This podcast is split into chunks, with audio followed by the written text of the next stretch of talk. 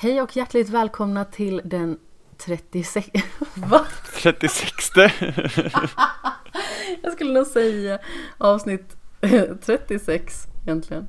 Det 36 avsnittet. Sluta! Det var precis det du tänkte säga.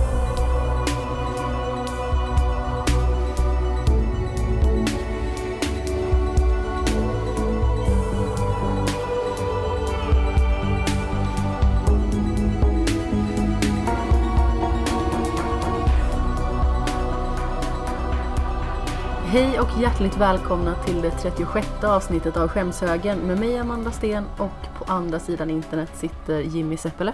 Hallå. Hej, sluta fnissa åt mig bara Det för att jag sa det fel här Det innan. 36 avsnittet. Men jag skulle förmodligen säga avsnitt nummer 36.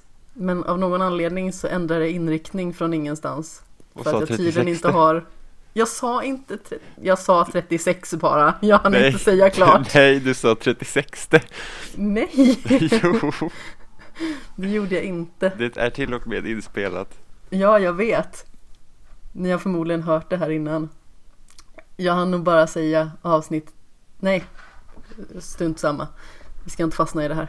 Vad var det du sa nu då? Ja, sluta. Tycker jag vi inleder lite antagonistiskt här. Ja. Gäspade du nu?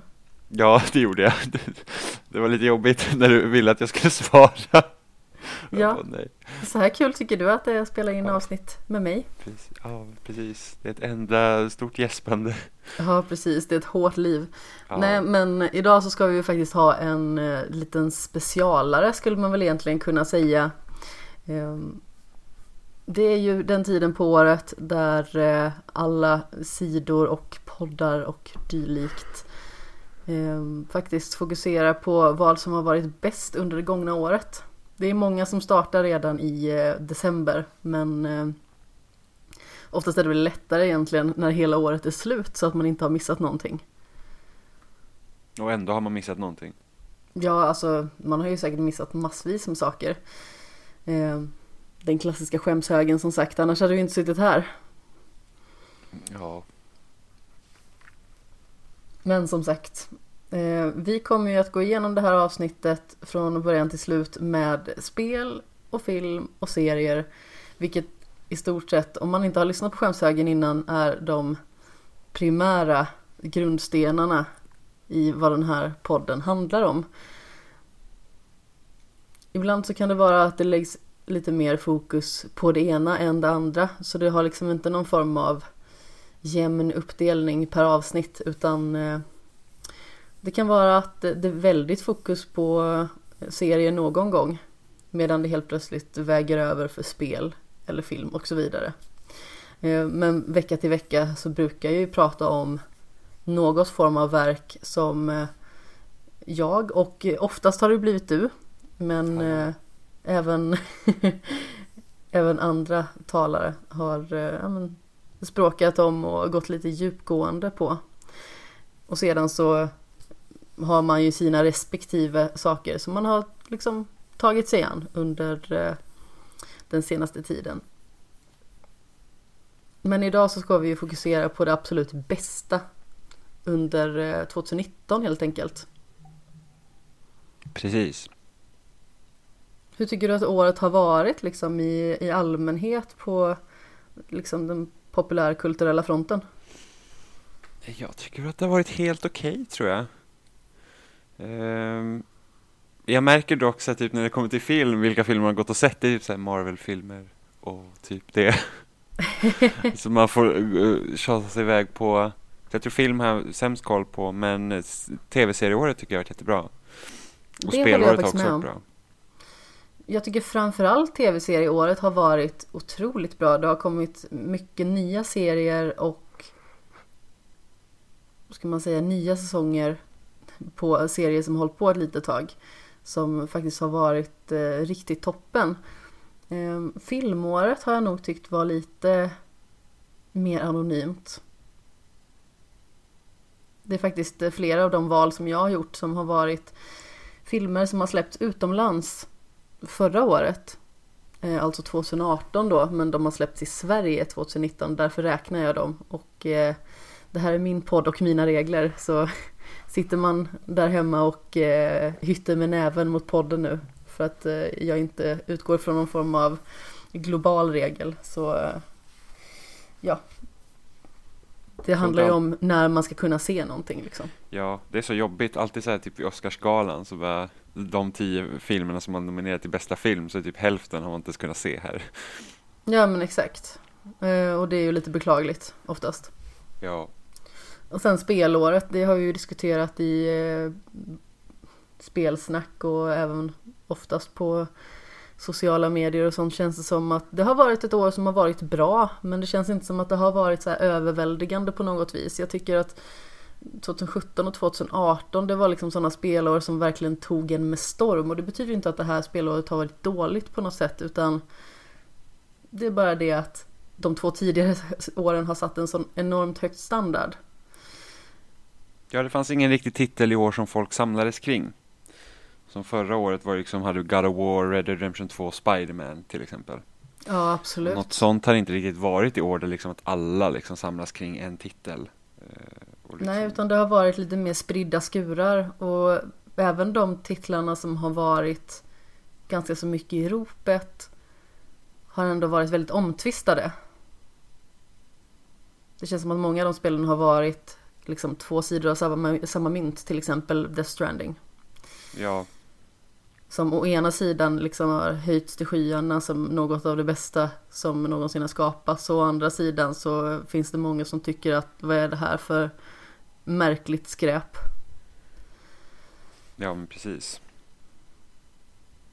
Och till exempel i fjol när vi hade Red Dead Redemption 2, vi hade God of War då var ju alla överens om att det var åtminstone bra spel även om man kanske inte höll dem högst läxor jag själv. Så är det ändå många andra som gör det. Ja men precis. Sen att eh, de har fel, det kan ju inte jag hjälpa. Nej men eh, just Spiderman var ju ett år, eh, ett år. Spiderman var ju ett spel som jag tyckte väldigt mycket om. Och det kändes som att det var ganska allmänt hyllat också. Just för att det är väldigt sällan som licensspel tas och görs så pass bra. Alltså det har väl återhämtat sig de senaste åren. Efter Batman någonstans, någonstans började det kännas som att det var okej okay och började bli lättare att hantera den typen av spel igen. Ja, för jag tror de sunkiga licensspelen de är på mobilen. Förmodligen. För att jag kollar typ så här, alltså när vi går igenom och kollar bästa spelen för decenniet så så såg jag typ såhär Iron Man 3 hade ett officiellt spel men det var på iOS så det var ju såhär okej okay, aldrig hört talas om det så det, det har funnits en del eh, okay. licensspel som inte kommer ut på konsoler. Ja men exakt. Men det är inte som förut liksom när typ Pirates 3 hade ett spel och varenda Harry Potter-film fick ett spel och jag tror Batman Begins hade ett spel. Ja, eh, absolut på Playstation 2 vill jag minnas. Ja, det borde stämma. Jag tror till och med jag har det i hyllan. Det har inte jag. Jajamän, det har jag. Ett av mina tre Playstation 2-spel. Oj, oj. Ja, det är inte en konsol som jag har eh, nästan vidrört överhuvudtaget, om jag ska vara helt ärlig. Oh, nej, min Playstation 2 är trasig, så den har jag inte kvar. Men jag hade också eh, typ bara tre spel till den. Jag köpte både en PS2 och en PS1 som någon form av paketgrej på en loppis för typ sådär 150 kronor eller någonting i den stilen. Men problemet var att jag fick inte alla sladdar till. Jaha. Vilket jag upptäckte när jag skulle koppla in de små rackarna. Vad är det för sladdar du saknar då? Det minns jag inte, det var så länge sedan jag köpte det här. Det var säkert 5-6 år sedan. Ja, okej. Okay.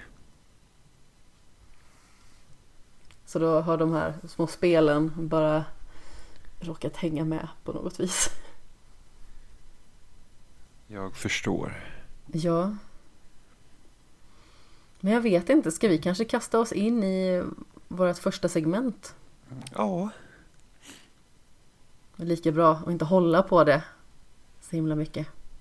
Alla sitter som på nålar. Ja, hur ska det gå egentligen? Ja.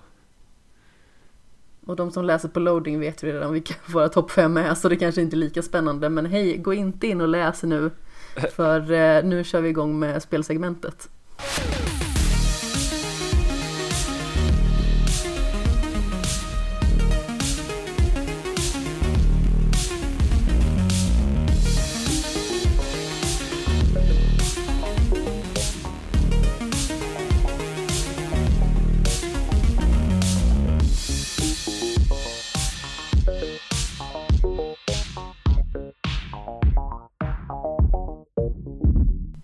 Och eh, då vill jag höra vad du har på plats nummer fem. Plats nummer fem på årets spel är Tetris 99. Okej. Ehm, Ska försöka låta jätteförvånad. ja, oj, oj, oj. Va, hur var den detta? eh, nej, men jag tycker ju, alltså jag älskar ju Tetris överlag. Inte för att jag är så överdrivet bra på Tetris, men jag har alltid tyckt om Tetris. Eh, och förra året fick vi typ Tetris Effect, som var liksom en ny spin på Tetris, eller ny och ny spin på Tetris. Det var Tetris igen med typ najsiga effekter och bra musik. Ja men absolut och Tetris är ju ett sånt spel som Det är roligt, det är tidlöst Det är lätt att lära sig Men det tar också tid att verkligen mästra Eller vad man ska säga Ja, verkligen. Och, och det fick man ju verkligen veta hur bra man var på Tetris i år med Tetris 99 för att det är något så märkligt som ett Battle Royale i Tetris. Jag har det på Så- min switch men inte testat det än Jag är smått beroende av det i, i våras, liksom spelade det typ varje kväll och låg och, liksom ja, spelade helt enkelt. Vad trevligt Eh, och, och det blir ju väldigt så här för att man väljer ju i princip vilka man vill attackera och sen ju bättre man spelar så skickar man ju liksom på döda block till dem och så kan man ju rensa dem genom att liksom skapa linjer så att säga. Okej. Eh, och, det är, och man ser ju när man blir markerad av andra spelare och ibland har man ju sån otur så man kan ju bli markerad av så många direkt på början och då vet man att nu är det kört. eh, så att det, det är liksom det är ju väldigt spännande. Det har ju liksom den här samma nerven som ett vanligt Battle Royale-spel har. Att det är ju fort, alltså även om det inte är så att man springer runt på en bana och liksom gömmer sig för fiender och försöker liksom skjuta dem när de eh, minst anar det så är det ändå så här typ att det finns en taktik att smyga runt på banan och inte försöka attackera de som kanske har mest eller liksom göra allt för stort namn för sig under matchens gång så att du inte får alla som attackerar dig. Alltså så att du inte blir attraktiv för andra att attackera. Mm. Helt enkelt. Men det är, det är otro, otroligt rolig spin på Tetris. Eh, Ja, jag kan tänka mig en otroligt rolig spin på Battle Royale det också. Jätteoväntat verkligen. För det känns ju som någonting som har exploderat de senaste åren med eh, både den ena och den andra titeln som eh, Vissa spel har ju helt varit fokuserade på det och vissa har det som faktiskt läge. Och det känns som att det expanderade väldigt mycket där under ett tag. Allting skulle vara Battle Royale. Ja, och det är ju det är väl mer eller mindre lyckat på olika format liksom.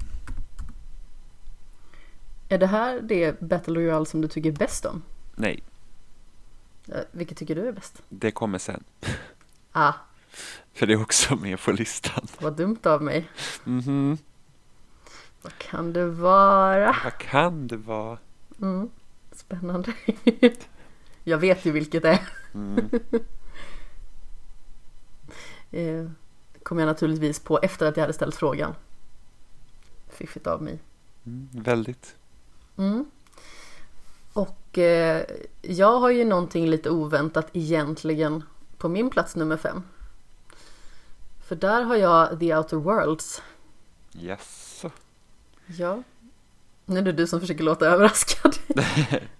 Jaha, Mhm. vadan detta? Eh, anledningen till att det hamnade så pass högt på min årets bästa lista eh, är helt sonika för att jag är inte ett jättestort fan av första personsskjutare. Men det här är ett sådant som faktiskt är så himla välkonstruerat. Jag tycker om det jättemycket. Eh, vi har ju liksom eh, det här rymdäventyret skapat av Obsidian då som eh, man känner igen sedan tidigare i andra första persons eh, skjutare. Och som sagt, det har aldrig riktigt varit min genre. Jag har några spel som jag liksom tycker mycket om i genren. Men det är liksom spel som fokuserar mer på berättelser. Då tänker jag framförallt på både Bioshock och Bioshock Infinite. Men jag är framförallt väldigt dålig på att skjuta i spel. Mm. Och jag har försökt att bli bättre och försöker allt mer att vara en smygare i sammanhanget så att jag inte riktigt behöver ställas inför min största svaghet, det vill säga att agera fort i sammanhanget, för det är jag absolut jättedålig på. Så kommer det liksom en fiende som attackerar mig, då kan det liksom vara så här ah! och så kollar jag rakt upp i taket. Så istället. det är ditt största problem alltså att hålla koll på båda stickorna samtidigt? Nej. Liksom sikta samtidigt och... Det är inte så jättestort problem. Problemet är att eh, jag inte riktigt vet vad jag ska göra av mig själv. Jag är liksom inte bra på att skjuta bara i spel. Jag är bättre på att skjuta i tredje person. Mm. Och sen så är det någonting. Jag tror att det är någonting med första person faktiskt som jag tycker är lite jobbigt och det är att man inte har samma överblick över sin karaktär på något vis. Man ser bara sitt vapen eller kanske händerna då i, i vissa fall. Eh, och jag gillar att ha överblicken. Jag förstår. Det är också lättare att hålla koll på sin omgivning tycker jag. Eh, vilket för mig som gillar att ha kontroll på situationer naturligtvis eh, känner mig i stort behov av. Men The Outer Worlds gör det riktigt bra och jag tycker att skjutandet känns väldigt bra också. Det märks väldigt tydligt att det var jättelänge sedan jag faktiskt testade att ge mig in i ett första persons skjutarspel dedikerat. För man märker hur mycket det har gått framåt och sen så till exempel Bioshock Infinite, det är ju ingen bra första persons skjutare per definition. Berättelsen är bra, världen är fantastisk men att skjuta i spelet är inte så bra. Det är ganska så knöligt i ärlighetens namn. Mm, då är det ändå bättre än Bioshock. ja, absolut, men det är ju också sex år nyare. Så, så är det är inte så konstigt. Och eh, det här är i sin tur sex år nyare än Bioshock Infinite. Så det har ändå fått sin tid att eh, utvecklas ganska så rejält och man märker väldigt tydlig skillnad. Sen så har jag ju testat andra första personsskjutare också men det är ju bara så pass lite att jag jag kan knappt liksom komma ihåg det i ryggmärgen på det sättet. Mm. Om du ska spela första personsskjutare som känns riktigt bra då ska du spela något Call of Duty, Battlefield eller typ Doom. Mm, ja, Battlefield har jag ju testat och Call of Duty har jag ju testat. Det är ju mm. så lite. Och jag vet inte, det är någonting med själva känslan i de spelen i allmänhet som inte riktigt tilltalar mig. Eh, jag gillar ju det här som är till exempel i The Outer Worlds, det som blir lite mer eh, äventyr och lite mer surrealism och sen så älskar jag ju rymden väldigt mycket. I allmänhet. Så därför känns det som en plats som känns extra så här förnämlig att vara på. Men du tyckte ju också om spelet, eller hur? Jajamän. För att det är på min plats fyra. Mhm. Eh, för där la jag Out of Worlds. Även om jag var lite så tveksam till om jag skulle ha med på topp fem eller inte. Men nu har jag faktiskt klarat ut spelet också. Så att eh, jag tror att det får hålla sig där. Ja, vilken tur. Ja, eh, och jag tycker också att spelet var väldigt bra. Det är ju det är som liksom Fallout i rymden i princip och jag, jag är väldigt förtjust i Fallout, i alla fall trean. Eh, och största problemet med alltså Bethesdas Fallout-spel är att de känns väldigt klumpiga och nu tycker inte jag att The Outer Worlds liksom är ju inte lika smidigt som en annars liksom som en rak shooter utan det är ju liksom det, det är också lite, lite långsammare, lite styltigare men det, det känns ändå som ett modernt, en modern variant av de spelen. Mm. Eh, vilket gör att det känns bra. Men jag det jag framförallt gillar med The Outer Worlds det är liksom själva stämningen i spelet. Det är fantastiskt. Eh, för det känns ungefär som eh, Firefly i spelformat nästan. Och man liksom är ute på sitt lilla äventyr, man är, man är egentligen en grupp vad ska man säga, man kan ju nästan spela som banditer. Man, är inte, man, man kör ju inte enligt lagens regler om man säger så eftersom man är i det här kapitalistiska samhället och typ jag valde ju fullt ut att inte stödja de stora företagen. Utan jag, jag sat, jag satsade ju på liksom att eh, där jag kunde montera ner dem, det gjorde jag också. Eh, och det gav ju en ganska rolig, just när man har de här valen och, och man kan eh, ibland var det inte så lätt att veta vad man skulle göra. Man sa, okay, för det fanns ju ändå en form av konsekvens i vad man gjorde och vissa val var väldigt svåra att man fick fundera sig, okej okay, men om jag gör så här nu, hur kommer det gå? Eh, gör jag rätt val nu eller liksom vilka är det som drabbas av det jag håller på med? Eh, och, och, ibland i spelet så var det verkligen så att det här valet som jag gjorde tidigare i spelet, det fick ganska grova liksom, konsekvenser senare. Och det är ju bra för det är så spel ska vara. Man ska ju känna att det betyder någonting vad man gör i spelet. Ja, och eh, det tyckte jag The Outer Worlds gjorde riktigt, riktigt bra. Ja men precis. För det är ju synd ifall ett spel som har val känns som att det kan lika gärna sluta på samma sätt ändå. Jag vet när du och jag hade spoilercast av The Walking Dead The Final Season. Mm. Då tyckte vi båda två att det kändes som att det hade inte kunnat sluta på något annat vis. Mm. Men sen när vi började jämföra vad för typ av utfall vi hade fått i olika situationer så märkte vi att hej, det fanns ju ganska så många stora skillnader. Men bara känslan av att det jag gör liksom det är någonting som betyder stor skillnad. Mm. Eh, och det är viktigt tycker jag. Det jag gärna hade sett mer av dock i Outer Worlds det är liksom det att man hade haft alltså typ aktiviteter att göra för hela besättningen. Så att man liksom Ja men typ Jag fick en väldigt rolig bild i huvudet liksom bara så här lite friluftsaktiviteter, lite paintball, lite yoga. Ja men ofta är det så att man, det finns liksom uppdrag för varje Spela lite plump. Det finns ju uppdrag för varje karaktär Som man kan liksom inte göra men det, det är liksom ja, inte, det, det, är inte någonting du får göra tillsammans med allihopa liksom så att ni, ni gör någonting på skeppet för det är typ Alltså det är ju mina favoritgrejer i Mass Effect, det är liksom när det händer någonting som påverkar alla eller liksom man känner verkligen att man är en del av en besättning eller typ som i i Witcher 3 finns det också tillfällen där man faktiskt egentligen inte du är inte på uppdrag för att döda monster eller någonting utan du kanske går på ett bröllop eller du kanske sitter och, och liksom har en trevlig kväll med eh, de andra witchersarna. Ja. Eh, och sådana grejer hade jag gärna sett mer av för att karaktärerna i, i The Outer Worlds de är väldigt bra. Absolut. Eh, och det är väldigt, alltså de, de hittar ju på favorit? saker. Eh, jag gillar ju Parvati. Ja, jag också. Eh, hon och hela hennes liksom storyline var så himla fin. Eh, när hon liksom skulle uh, dejta då en annan mekaniker på ett, på ett annat Det är så himla gulligt så man orkar ju liksom inte och hon är så himla söt också för hon blir så nervös. Bara, hur ska den här tycka om eh, det här och det här och det här? Åh, vad kommer hända sen? Och, alltså, hennes liksom, beteende känns så himla mänskligt för att hon jagar upp sig lite grann över hela situationen. Och det känns väldigt äkta. Sen så är hon ju en karaktär som är väldigt lätt att tycka om. Och hon blir liksom på något vis, om han har med henne mycket, en form av så moralisk kompass på något vis. Hon påminner en om vad valen kan göra för skillnad. Mm. Bara, är du säker på att du vill göra det här? Det här kan ju påverka det här. Ja.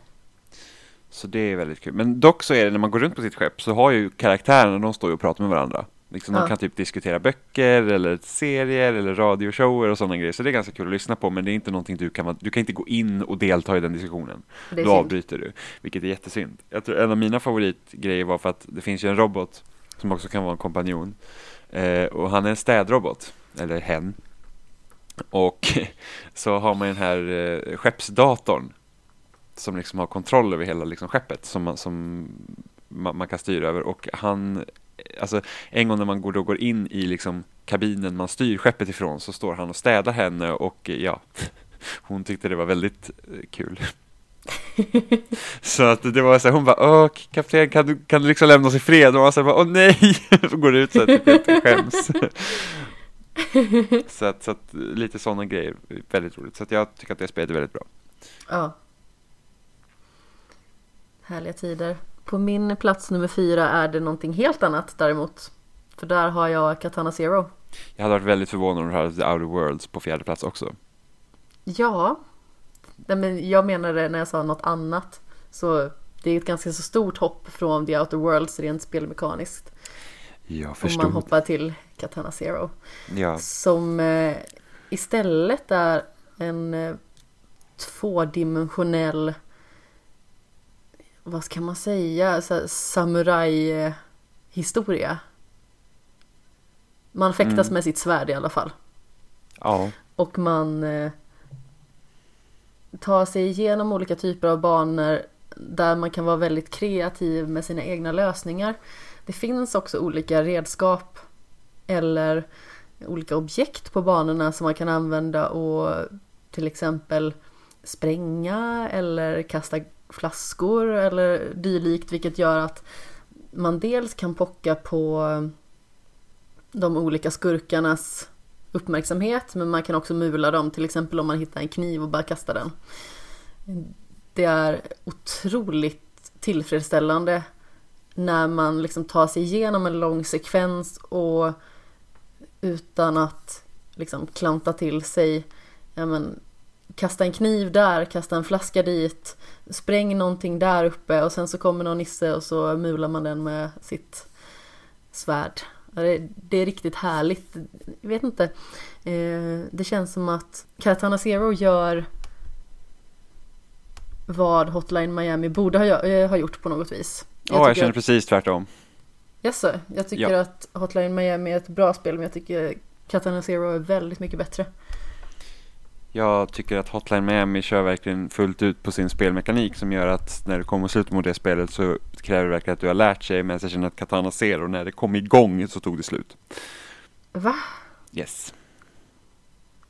Jag kände att det var liksom så På att vilket okej, nu- vis? Jag vet inte, jag kände bara så att nu börjar liksom banorna bli lite mer utmanande och sen så var det slut. Det var liksom så att jag, Du hade velat Det- ha det längre alltså? ja alltså mer så att man verkligen får använda sig förmågor för det var inte som att man, det här med att stoppa tiden och sen typ, alltså jag, jag känner inte att de utnyttjade tillräckligt väl. Medans i, i Hotline Miami är det verkligen så att man kan verkligen memorisera vart alla fiender är, gå liksom och, och liksom köra liksom stenhårt på. Alltså det eh, går att ju förbannat fort i Hotline Miami. Yes.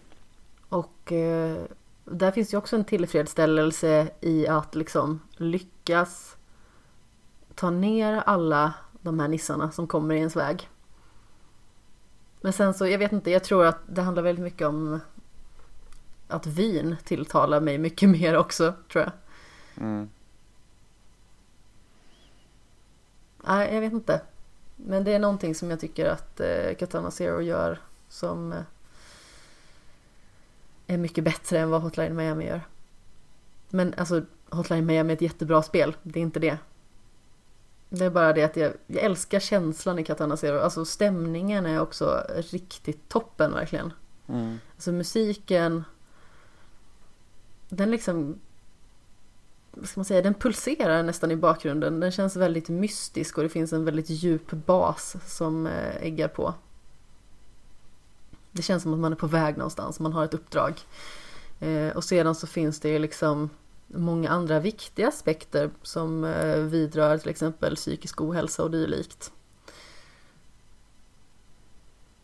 Och ett nytt grepp som jag inte har sett direkt tidigare det är ju liksom att man när man startar en bana då startar man ju också sin, sin spelare. Eh, alltså musikspelare. Mm. Vilket också blir att när man dör då spolar man tillbaka. Så det är typ så här, "Ha, skoja bara, det där hände inte. Och så gör man om. Mm. För att det är banorna är i princip det du sitter och berättar för din psykolog. Ja, Eh, och då när det blir fel så, så liksom, nej det händer liksom inte. nej men exakt. Eh, Och jag tycker att det är ett väldigt intressant grepp för att oftast när man liksom spelar spel och dör mycket då kan det liksom bryta någon form av berättarillusion på något vis. Men här så har de liksom tagit sig förbi det på ett nytt och liksom uppfriskande vis. Mm, påminner lite om, eh, för det är alltid intressant det där när man hur man gör när man dör. Eh, och det vet jag att Prince of Persia Sense of Time hade ju så att där kunde du inte dö utan då spolades också tiden tillbaka. Ah. För då drog du liksom tillbaka tiden. Så att det, det är rätt så intressant. Ja. Vad har du på din plats nummer tre? Jag har också fäktats med svärd, men inte i Katana Zero utan jag har spelat, eller spelat, jag, på min plats nummer tre så är Sekiro, Shadows Die Twice. Ja. Eh, och det här är också ganska kul när man dör, för att det som är kännetecknar från software-spel är att du dör för att det är jävligt svårt och det är så du lär dig, så att du får göra om liksom. Ja. Eh, men i Sekiro så har de ändrat det. Vad så kul. När du, ja, men när du dör i Sekiro så kan du återuppliva dig en, max två gånger. Eh, Medan du ligger där, så, att när, så ibland kan det vara en taktik genom att dö, för att då tror, ja men fienderna tror helt enkelt att du är död. Så går de därifrån och sen så kan du eh, hela upp dig själv och så kan du slicea ihjäl dem. Liksom. Eh, apropå intressanta sätt att använda död på. Eh, men jag tycker att Sekiro det är ett av de bästa spelen som From Software har gjort. Nu inte jag spelar alla deras spel, men jag spelar Dark Souls, Bloodborne och Sekiro. Och jag tycker Sekiro är riktigt bra, för det känns... Jag vet inte, det hela den här grejen med att vara i feodala Japan som de har liksom eh, lyckats få in riktigt bra. Det är inte den här gotiska känslan som är från Bloodborne. Jag tror att jag tycker världsuppbyggnaden är mer intressant i Bloodborne, men just den här att de gick ifrån lite den här skräck som de har haft i både Dark Souls och, eh, och Bloodborne. Och så blir Ja. det liksom mer att man tar en riktig historisk, i och för sig Dark Souls är ju liksom det är ju typ riddare och sånt så det, det lånar ju därifrån. Men, och sen att storyn inte var lika liksom gömd som den brukar vara utan den var, den var liksom mer i förgrunden. Och att det kändes många gånger, liksom, det var väldigt så här, de har ett väldigt minimalistiskt sätt att eh, berätta sina historier på. Även om det var tydligare den här gången så att det nästan känns som poesi emellanåt. Eh, men just det här med för ibland blir det ju så här med spel att när det är, om man tar spel som Super Meat Boy eller Celeste, att det är liksom så himla svårt men man bara är fan på sig att man ska klara det. Eh, och det var typ samma sak i Sekiro, för jag var flera gånger vid det här spelet, jag var så att typ, nej, jag, jag vet inte om jag orkar liksom sitta och nöta den här bossen, eller jag, bara, jag tror att jag liksom ger upp. Eh, och det roliga med de här spelen är ju det att man brukar ju komma till en punkt där liksom att det här är tröskeln som man måste komma över. Sen efter det så brukar det gå rätt så bra. I Bloodborne så kommer den väldigt tidigt. Så jag tror det är typ spelets andra boss eller någonting sånt. Där klarar man den så är man liksom okej, då fattar man spelet och då liksom kan man liksom ta sig igenom det. I Sekiro så kommer den betydligt, betydligt längre in i spelet. Okej. Alltså jag tror säkert att jag kanske spelar en 15 timmar innan man kommer till den punkten att okej, nu vet jag hur det fungerar. Nu har jag lärt mig tillräckligt mycket för att jag liksom kan Ja. ta mig framåt. Eh, och det var ju en, en boss som är man, man ska liksom springa upp till typ taket på ett slott och eh, när man kommer till honom då måste man liksom lära sig de viktiga grejerna i spelet. Att man, man kan liksom blocka ordentligt så att man liksom får upp deras stance, eh, eller inte stance, man får upp deras posture, tror jag det heter. Eh, och när man får upp den tillräckligt mycket då kan man liksom ta en hel livmätare på en gång från dem. Och de har flera. Okej. Eh, mindre fiender så dör de på en gång.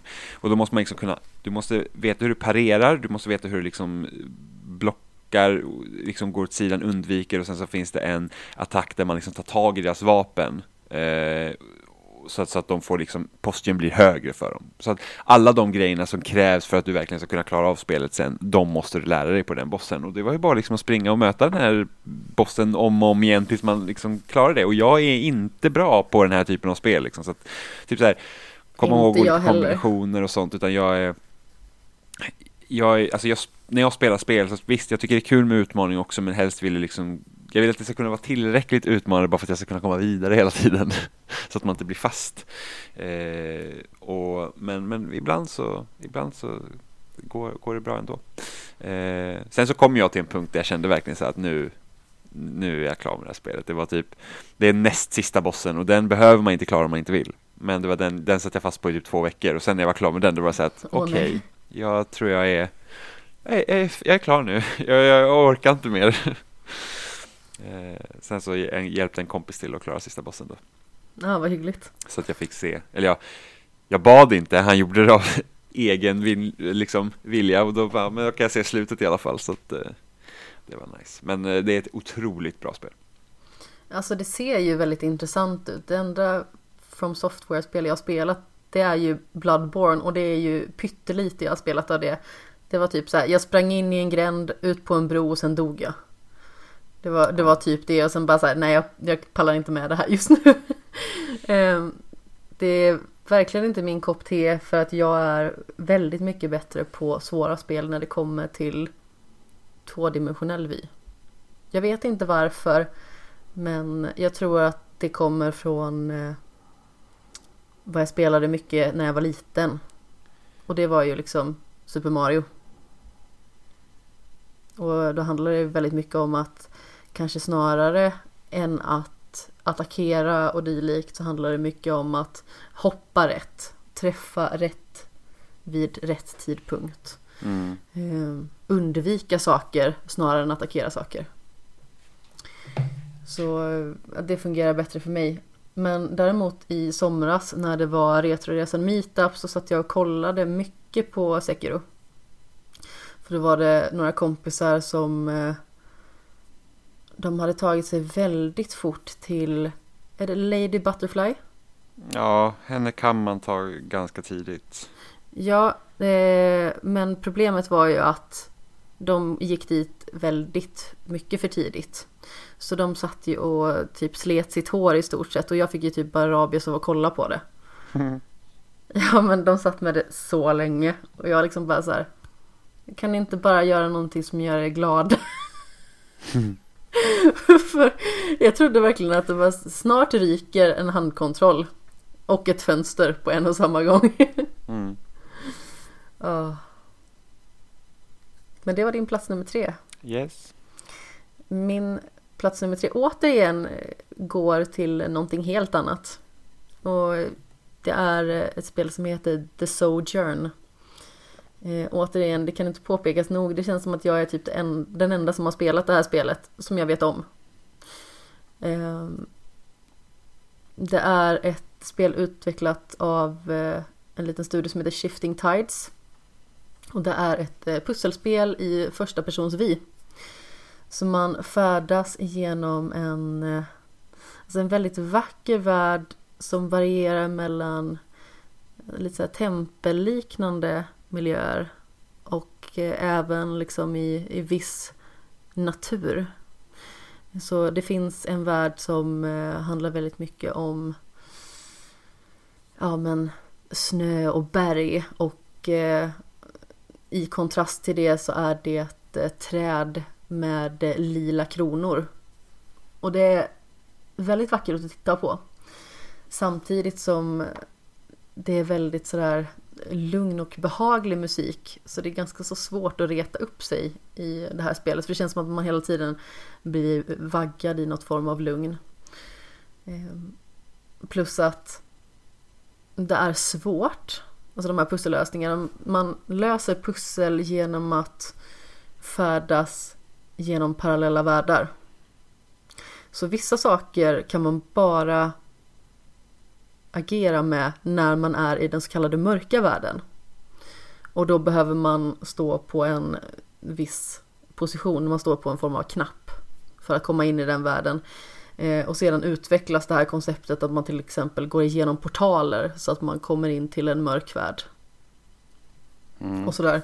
Eh, och vissa eh, pussel handlar om att man ska flytta saker så att de står på rätt knappar. Så man ska till exempel öppna en eh, bro eller att man skulle öppna en eh, vad heter gate på svenska? Grind. Herregud. Ja, i stort sett. Alltså det är snarare typ galler som är för. Men ungefär så. Ehm. Och sedan så finns det på, på de flesta banor liksom ytterligare utmaning för att man ska kunna få en pergamentrulle som ger mer information. Jag tog inte alla dem eh, för mitt huvudfokus var att faktiskt ta mig igenom spelet. För som sagt, det var ganska så svårt. Jag tycker att det osar lite The Witness av det jag har sett. Eh, Lex, jag tycker att du borde spela det. Mm. Och det är alltså väldigt roligt, väldigt tillfredsställande när man klarar det. Och trots att det borde vara ett spel där man verkligen skulle vilja slita sitt hår för att man ibland känner sig lite dum Så man sitter inte fast så pass länge eh, på ett och samma ställe. Så man hinner liksom inte bygga upp den irritationen utan man bollar runt med sina egna idéer på ett annat sätt. Så tyckte mm. jag att det var i alla fall. För ibland kan det vara så när man stöter på svåra pusselmoment att man gör samma fel om och om igen. För att man har en specifik tankebana som man liksom inte kan dra sig själv ur på något vis. Men i det här fallet känns det som att man hela tiden testar nya saker och förr eller senare så klaffar det. Mm. Och sen ibland så är det väldigt härligt också när man har kommit in i tankesättet. Då blir det ett väldigt härligt flyt. Så det blir liksom att gå till den här punkten, flytta den här saken, in i den här världen, tillbaka till den här världen, flytta den här saken, spela den här eh, speldosan här borta och så vidare. Eller speldosan, det finns en staty som om när man är i den mörka världen så spelar den upp en liten trudelutt. Vilket gör att det öppnas upp broar som man kan gå på under tiden trudelutten spelas. Mm. Ja. Det är väldigt bra i alla fall. Och jag rekommenderar alla att spela det. Jag tror att det är en som har nappat på min rekommendation än så länge. Eh, jag vet inte om hon har börjat spela den men eh, jag håller tummarna för dig Kiki. mm. Ja, vad säger vi? Position nummer två. Med en liten mig... falsett också där tiden. för, mig är nummer två Apex Legends. Ja, som jag höll på att avslöja Precis, innan. det andra Battle Royale-spelet på min lista. Ja. Eh, och jag har alltid varit intresserad av Battle Royale, liksom det här med att du har eh, Ja men just det här, alltså kontrasten mellan hur eh, man tänker sig multiplayer-spel från förra generationen och den här generationen var ju det att förra generationen hade varit otänkbart nästan. Liksom att du har ett liv och sen dör du och så är du ute ur matchen. Vem skulle vilja spela det? För det är typ det som typ kod baseras på att du ska ju ständigt vara liksom när, nära nästa fiende som du skjuter på. Så att man har liksom fixat spanpunkter och sånt så att du liksom, den som dödar dig, du får kunna spana ganska nära den. E enbart för att du ska liksom komma in i matchen på en gång. Eh, och där ser man ju liksom också att typ Battlefield gick ju också mer den vägen så att du liksom skulle tänka sig att där har man ju liksom jättestora avstånd men den utvecklingen som den serien tog från Bad Company-spelen liksom framåt till Battlefield 4 som kom förra generationen var ju det att, eller ja, Battlefield 4 kom till den här generationen också. Men eh, så kom Battlefield 4 till de gamla konsolerna? Det kommer jag inte ihåg. Ja, skitsamma. Eh, var i alla fall det att det, det blev liksom mer åt det här att det blev snabbare och man liksom till Team Deathmatch och sånt. Även liksom en serie som Gears hade ju liksom, där var det ju så att de spelägarna som fanns, då hade du ett liv. Och sen så så dog du så dog du liksom. Så fick du vänta till nästa runda. Eh, och, det, det liksom, och där har ju den serien också lagt till Team Deathmatch och sådana grejer som har gjort det liksom mer populärt. Men då tänker man sig att okej, okay, men här har vi alltså 100 spelare på en bana, skickar ner dem på samma och sen så dör du, sen så är det bara att söka en ny match för att då är du ute. Att det är ändå liksom att det känns som att den trenden som utvecklare tog förut har ändrat sig helt för att nu är det liksom helt okej okay att det är så svårt även i multiplayer. Eh, och så Fortnite och Battlegrounds som har kommit ut liksom har varit så att jag har ändå varit alltid så här, ja men det är en rolig idé. Eh, och det, ska bli, det är liksom kul att komma in i det. Men jag har ju liksom testat alla Battle Royale-spel och sett ja, det är kul till viss gräns, men det är liksom, det är någonting som saknas. Som Battlegrounds på konsol i alla fall så är ju vapnen känns ju som skit. Fortnite var kul, men eh, alla började bygga som satan och jag hänger liksom inte med så att jag sa att nej. penisar. Ja, faktiskt. Och, och då blir det så att nej, det är inte riktigt min liksom, grej. Jag känner att jag kan inte ha ett spel där jag måste liksom spela konstant för att känna mig liksom att kunna vara relevant i matcherna. Eh, och så kom Apex, och på förhand var jag så här bara att okej, okay, de ska göra typ ett Battle Royale-läge i Titanfall-universumet och de har inga titaner med och du kan inte springa på väggar och allt det som gör Titanfall så himla speciellt. Ja, vad, vad är det här liksom? Så, men det var gratis, så att man kan ju testa. Vad är det för humbug? Ja, men lite så faktiskt. Det var så här, men varför, varför tar de bort det som gör Titanfall intressant och gör liksom ett Battle Royale-spel och ta bort de grejerna. Liksom, jag förstod liksom inte. Men det var gratis och tänkte man kan i alla fall testa. Och helvete vad bra det är. För det är verkligen så att det Titanfall känns ju bra att spela och de har liksom tagit det moveset och fört in i Apex Legends så att det känns ju redan där bra att spela och, och, och eftersom det känns bra där så har det redan liksom klappar i alla liksom motståndet ordentligt.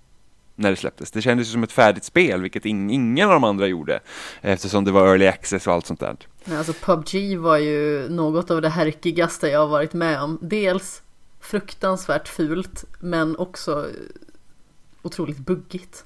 Ja, men det körs alltså typ PubG liksom härstammar från typ DayZ och H1Z1 liksom, alltså den Arma-motorn liksom är det ju, så att det, den är ju mer, den är lite mm, Risigare. Ja, men lite risigare och sen så baseras den ju på liksom ett ganska, försöker vara så taktiskt som möjligt. En, en, en taktisk militärshooter är ju Arma och det är det de baseras på så att det är lite klumpigare eh, och vilket jag kan uppskatta, för det är något jag faktiskt uppskattar med Battlegrounds just för att det är det blir, nerven där ligger liksom i att eh, det är liksom svårare och du kan liksom inte bara vara någon Rambo som springer och skjuter ner alla utan du måste verkligen tänka efter hur, hur du rör dig. Ja men en taktik, helt klart. Precis, på ett helt annat sätt. Eh, och då tänker jag liksom att om det blir lättare att döda folk, då, då kanske det försvinner, tänkte jag.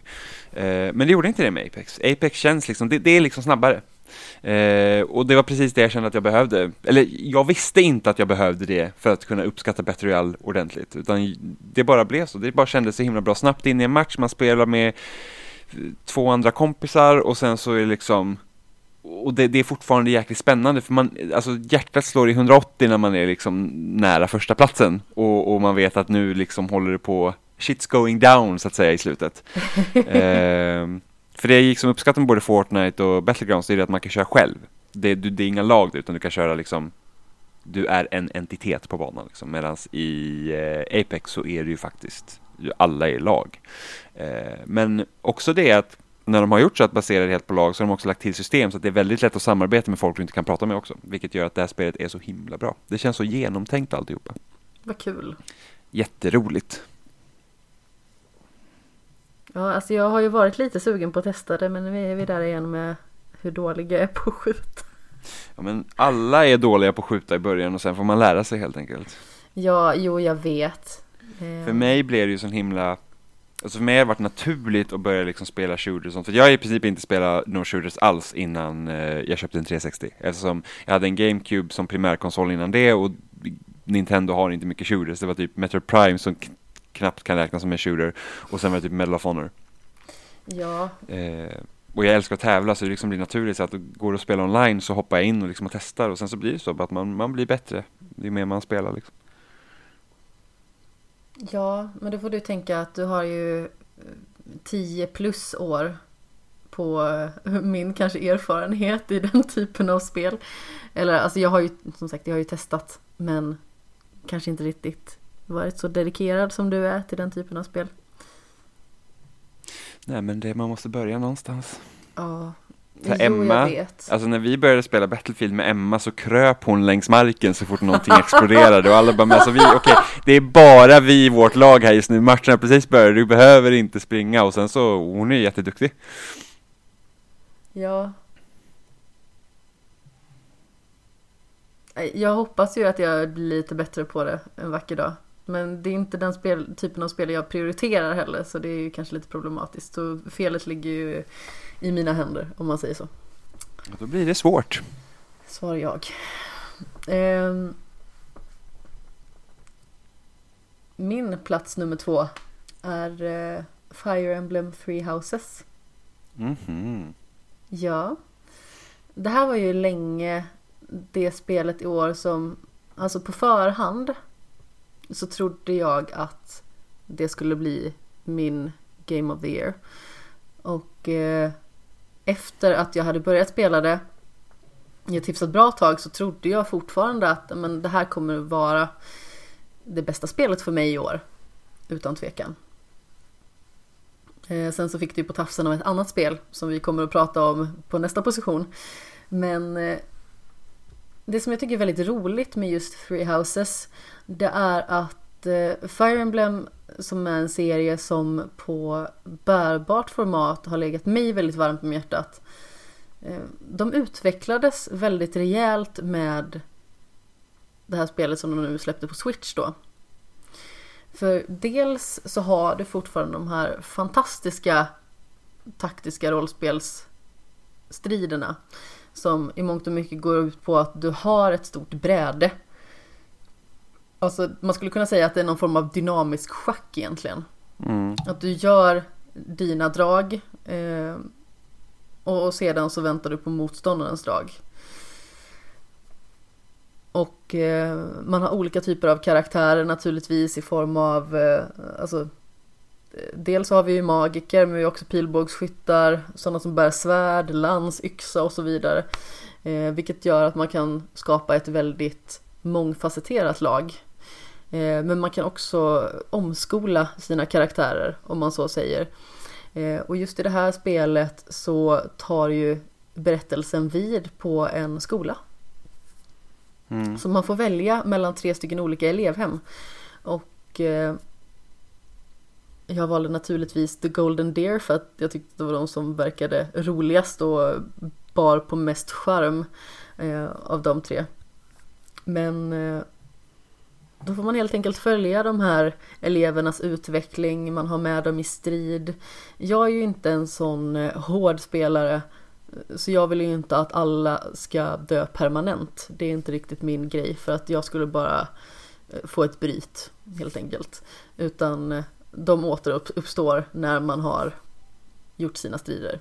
Helt sonika. Men det som tidigare har varit att man nästan bara så här slentrianmässigt har klickat förbi alla mellansekvenser för det är liksom så här, ni säger inget viktigt, det är inte intressant.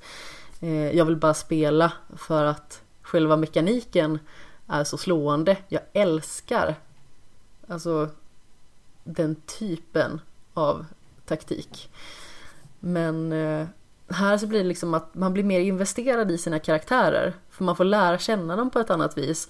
Man får skola dem, man får eh, se deras förmågor växa, man ser hur de skapar nya förmågor, hur de skapar band med varandra, hur man skapar band med eh, sig själv som professor och de här eleverna.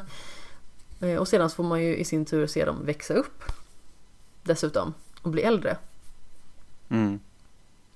Och det är väldigt, väldigt tilltalande och de tar ett fantastiskt koncept och tar det upphöjt till två. För att det finns liksom en ny nerv i det hela, det finns ett nytt intresse i det hela. Men det bygger fortfarande på den spelserien som jag älskar. Så det tycker jag verkligen var, det var toppen. Och framförallt då att ha det på en maskin som Switch som nu spelar jag ju väldigt sällan i dockat läge. Det händer oftast bara om jag ska spela eh, till exempel Smash eller, eller dylikt. Eh, och då oftast när till exempel du och jag spelar mot varandra eller sådär. Mm.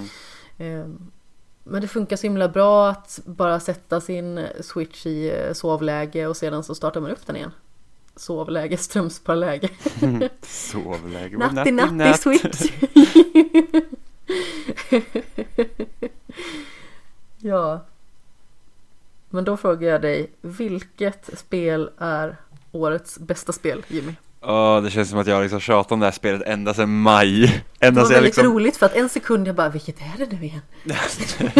Men det är så kul för jag har Hur sett ens? nu eh, under typ julledigheten så har jag sett massor på min Twitter som har så åh jag, jag har testat det här spelet nu och det är så himla bra och man bara äh, ja liksom. Ja, du har Eh. gaggat om det länge. Ja men verkligen för att det, alltså det här spelet tog mig, alltså för jag kommer ihåg när det här spelet typ man såg första trailern på det och det är Outer Wilds som jag pratar om. Ja, Jag såg trailern första spelet och då var jag så att, ja men typ eh, utforska ett eh, handgjort eh, solsystem liksom. Och det kände man, det var en liten känga liksom till No Man's Sky liksom så här, för att de var så här utforska ett oändligt universum. Eh, och jag har sett, ja men det, det är kul med liksom space exploration men jag men liksom vet inte riktigt vad spelet handlar om överlag liksom. ja. Och sen se, alltså det ser ju inte jättetrevligt ut ärligt talat. Jag, jag, så här, jag har lite svårt för typ hur karaktärerna ser ut så här med typ eh, små alien med typ flera ögon. Alltså bara när man liksom tittar De på det liksom på video. ut. Ja de ser lite, så det är så här att och, och, och liksom visuella är ju absolut inte allt men det är så här, ja, alltså så här. Det är charmigt ändå. vi får se om jag, jag tycker om det. Så här, du vet, man startar ett spel och man säger att ja, jag vet inte om jag liksom känner det på en gång, men jag, jag ger det en liten chans i alla fall. För jag är så att när jag startar ett spel så min förhoppning är verkligen att jag liksom kommer kunna- kunna komma in i det. Jag tycker inte om att starta ett spel, spela en timme och sen bara nej, det här var nog ingenting för mig och sen sluta. Utan har jag bestämt mig för att spela ett spel, då vill jag ju spela det. Samma här. Eh, och, och liksom, det är lite svårt i början när man ska flyga det här skeppet och lära sig hantera det och det liksom tar lite tid innan man kommer in i det, men sen när man verkligen börjar förstå hur liksom det fungerar och att det är liksom så här att det är inga strider och sånt i spelet, utan det enbart baseras på din egen nyfikenhet att vilja veta vad som händer. För att du liksom, inga vapen, du får liksom inga, inga gadgets eller någonting, utan det går egentligen ut på att läsa olika textloggar för att lista ut varför det här solsystemet resettar var 22 minut liksom. Och, och, jag vet att det är många så här, typ när Breath of the Wild kom ut var ju många så att ah, men det är så himla nice med utforskandet. Så det känns som att var man än går så får man liksom en ny uppgradering eller det känns värt att gå till det här stället. Och det, och det Breath of the Wild gör att det bygger mycket på nostalgi om man känner igen Zelda-serien. För det kan vara så att man ser ett namn på kartan och bara det där namnet känner jag igen, undrar vad som finns där och så går man dit och så hittar man någonting man faktiskt behöver. Vilket var väldigt trevligt. Eh, och därför är jag lite förvånad över att de som har pratat om Outer Wilds inte har pratat om det här tillräckligt mycket, för att jag tycker att det gör, det tar det som Breath of the Wild gjorde utforskande och gör det ännu bättre. Eftersom det handlar ju bara om utforskning, det handlar bara om att stilla en egen nyfikenhet och liksom få veta vad som har hänt liksom. Mm. Ehm, och liksom, och bara det här när man, eftersom de här liksom planeter och sånt är ju lika för alla, men av någon anledning så känns det verkligen som att när du kommer till ett ställe så känns det som att du är den första människan som har sett det här. Det är liksom, du, skulle, du, du, vill liksom bara skriva och berätta om det, så här, det här var vad som hände mig. Ni, kan inte, alltså, ni kommer inte tro era öron när ni hör vad jag har att berätta för er, trots att de skulle potentiellt sett kunna ha sett exakt samma sak. Eh, för det finns ju liksom ingen linje i det hela. Det är, liksom, det är inte så att alla kommer göra exakt samma sak, utan du börjar på den här planeten, du ska leta efter launchkoderna till ett skepp och sen så är du ute i universum, sen får du göra vad du vill. Det är ingen som säger, ja men du ska till den här planeten nu eller du ska till den där planeten där borta nu, utan du får liksom ta det i vilken ordning du vill. Vilket gör att du följer inte en bana, utan du själv är så här, hmm, vad ska jag göra nu? Och sen så får du bestämma det. Oh. Det, är det är ett helt fantastiskt spel, liksom så att man sätter upp liksom egna utmaningar för det. Jag, jag liksom kan aldrig glömma bort när det finns en station som roterar runt solen. Och det bara att solen har så pass stor dragningskraft så att det är skitsvårt att komma till den här. Men liksom jag bara gav mig fan på att jag ska fan landa på den här jäkla stationen. Och då liksom får man ju ta sitt skepp, lägga sig i omloppsbana runt solen och sen hoppas att man liksom hamnar liksom ungefär i samma nivå med den här stationen man ska på. Så att liksom uh. man åker runt tillsammans. Problemet är att det, alltså dragningskraften är så pass stor så att du liksom kommer ju inte när du liksom kliver ur sätet i ditt skepp, då bara, du bara slungas mot väggen så att du liksom, du kommer ingenstans. Så att då måste man liksom skjuta ur sig ur skeppet med liksom en, eh, skeppets eject button. Och så får du liksom linea upp så att du liksom skjuter dig in i den här stationen. Liksom bara en sån grej liksom är helt fantastisk. Uh, så att nej, det, det är liksom ett, det är ett, så speciellt spel så att det är, så jag vet inte riktigt om jag har liksom spelat något liknande någonsin tidigare spelmekaniskt är det så himla svårt att komma in i tycker jag dock. Alltså jag tycker om idén och jag tycker om stämningen jätte, jättemycket. Men eh, jag kom inte så himla långt för att dels tror jag att det var mycket annat som kom när jag precis hade börjat spela Outer Wilds.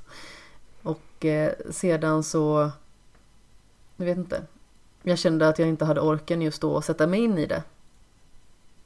Mm. Jag vet att jag ska, jag vet att jag borde. Men, men det, det, tar, det tar tid. Att, liksom, ja. att det, det är liksom inte självklart på en gång. Nej, alltså som sagt att styra kändes jättefumligt och jag liksom bara så här, men vad är det jag ska göra egentligen? Kom och rädda mig. mm. Nej men det, det är liksom, det, skeppet är svårstyrt eftersom det, det är liksom det baseras ju ungefär som det skulle fungera typ på riktigt liksom. Så att du har liksom ingen autolandning eller sånt utan du får landa själv och du får styra själv liksom. Det, det är ingenting som hjälper dig att flyga. Eh, så att det är liksom, det, det, är lite av ett hinder för att komma in i det liksom. Ja. Sen behöver du ju inte precisionsköra med skeppet för att kunna klara ut det. Utan eh, att, att jag skulle liksom till solstationen, det behöver man inte om man inte vill. Vill man se allt så ja visst, men du, du kan klara ut spelet utan att komma dit. Men det, men det är häftigt när man lyckas. Ja, men vet man exakt vad man ska göra så tar det ju jättekort tid. Ja, alltså du, kan ju, du, kan ju, precis, du kan ju klara ut det på en, en liksom dagscykel så att säga. Ja. Eh, om man vet precis. Men det är, liksom, det är ingenting man kommer ens råka göra första gången man spelar. Nej, nej, gud nej. Men det är ju när man väl vet. Ja, och min första plats är ju inte riktigt jättehemlig heller, kan man väl säga.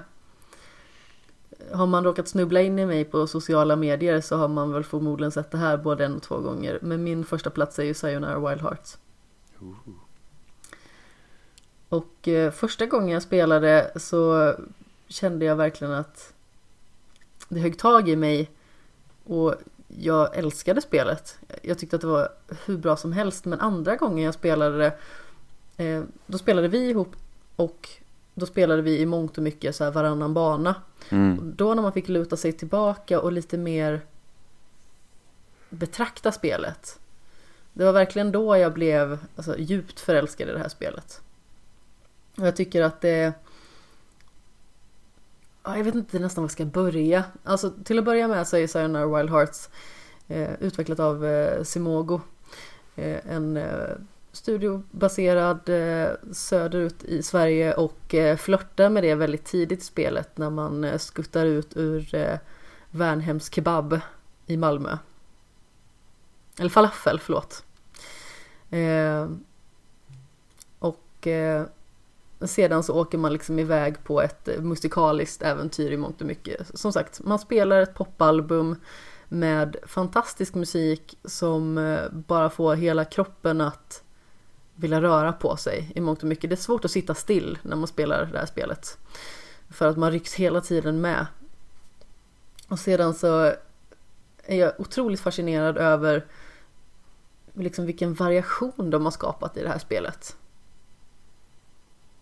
Dels så finns det väldigt många olika sätt att eh, färdas framåt på olika typer av banor. Eh, det känns hela tiden väldigt nyskapande. Det finns till exempel en bana där man färdas genom eh, parallella världar. Vilket då sker genom att det är ett tvillingpar som knäpper med fingrarna och när fingrarna knäpps eh, då skiftar världen. Så då har man liksom andra hinder att ta sig fram igenom. Och när den nya knäppen kommer då skiftas det tillbaka. Så man måste liksom hela tiden memorera och vara vaksam och sådär. Men i början så handlar det väldigt mycket om att alltså, bara köra fort egentligen. Du har ju liksom ingen eh, eh faktisk mätare på hur fort du kan köra utan det du behöver göra det är liksom styrningen i stort sett och eh, farten reglerar spelet själv i och med att det är ett spel som hanterar att det ska vara i takt till musiken vilket i början inte är lika uppenbart utan eh, det är först när man börjar komma in i spelet mer och mer som man märker vilken betydelse som musiken har i spelet. I början så skulle det kunna vara alltså ett spel med musik. Men efter ett tag så märker man liksom att det här är ett spel baserat på musik. Ja, det, är, det är helt fantastiskt och det finns liksom en bakomliggande historia som eh, eh jag ska inte gå in för djupt på den. Men precis som Celeste så är det här ett spel som vill man se djupet och berättelsen så kan man göra det. Men om man vill så kan man bara fokusera på att det är ett roligt spel. Och försöka utmana mm. sig för det finns ju eh, olika typer av nivåer som man kan nå i form av eh, guld, silver, brons.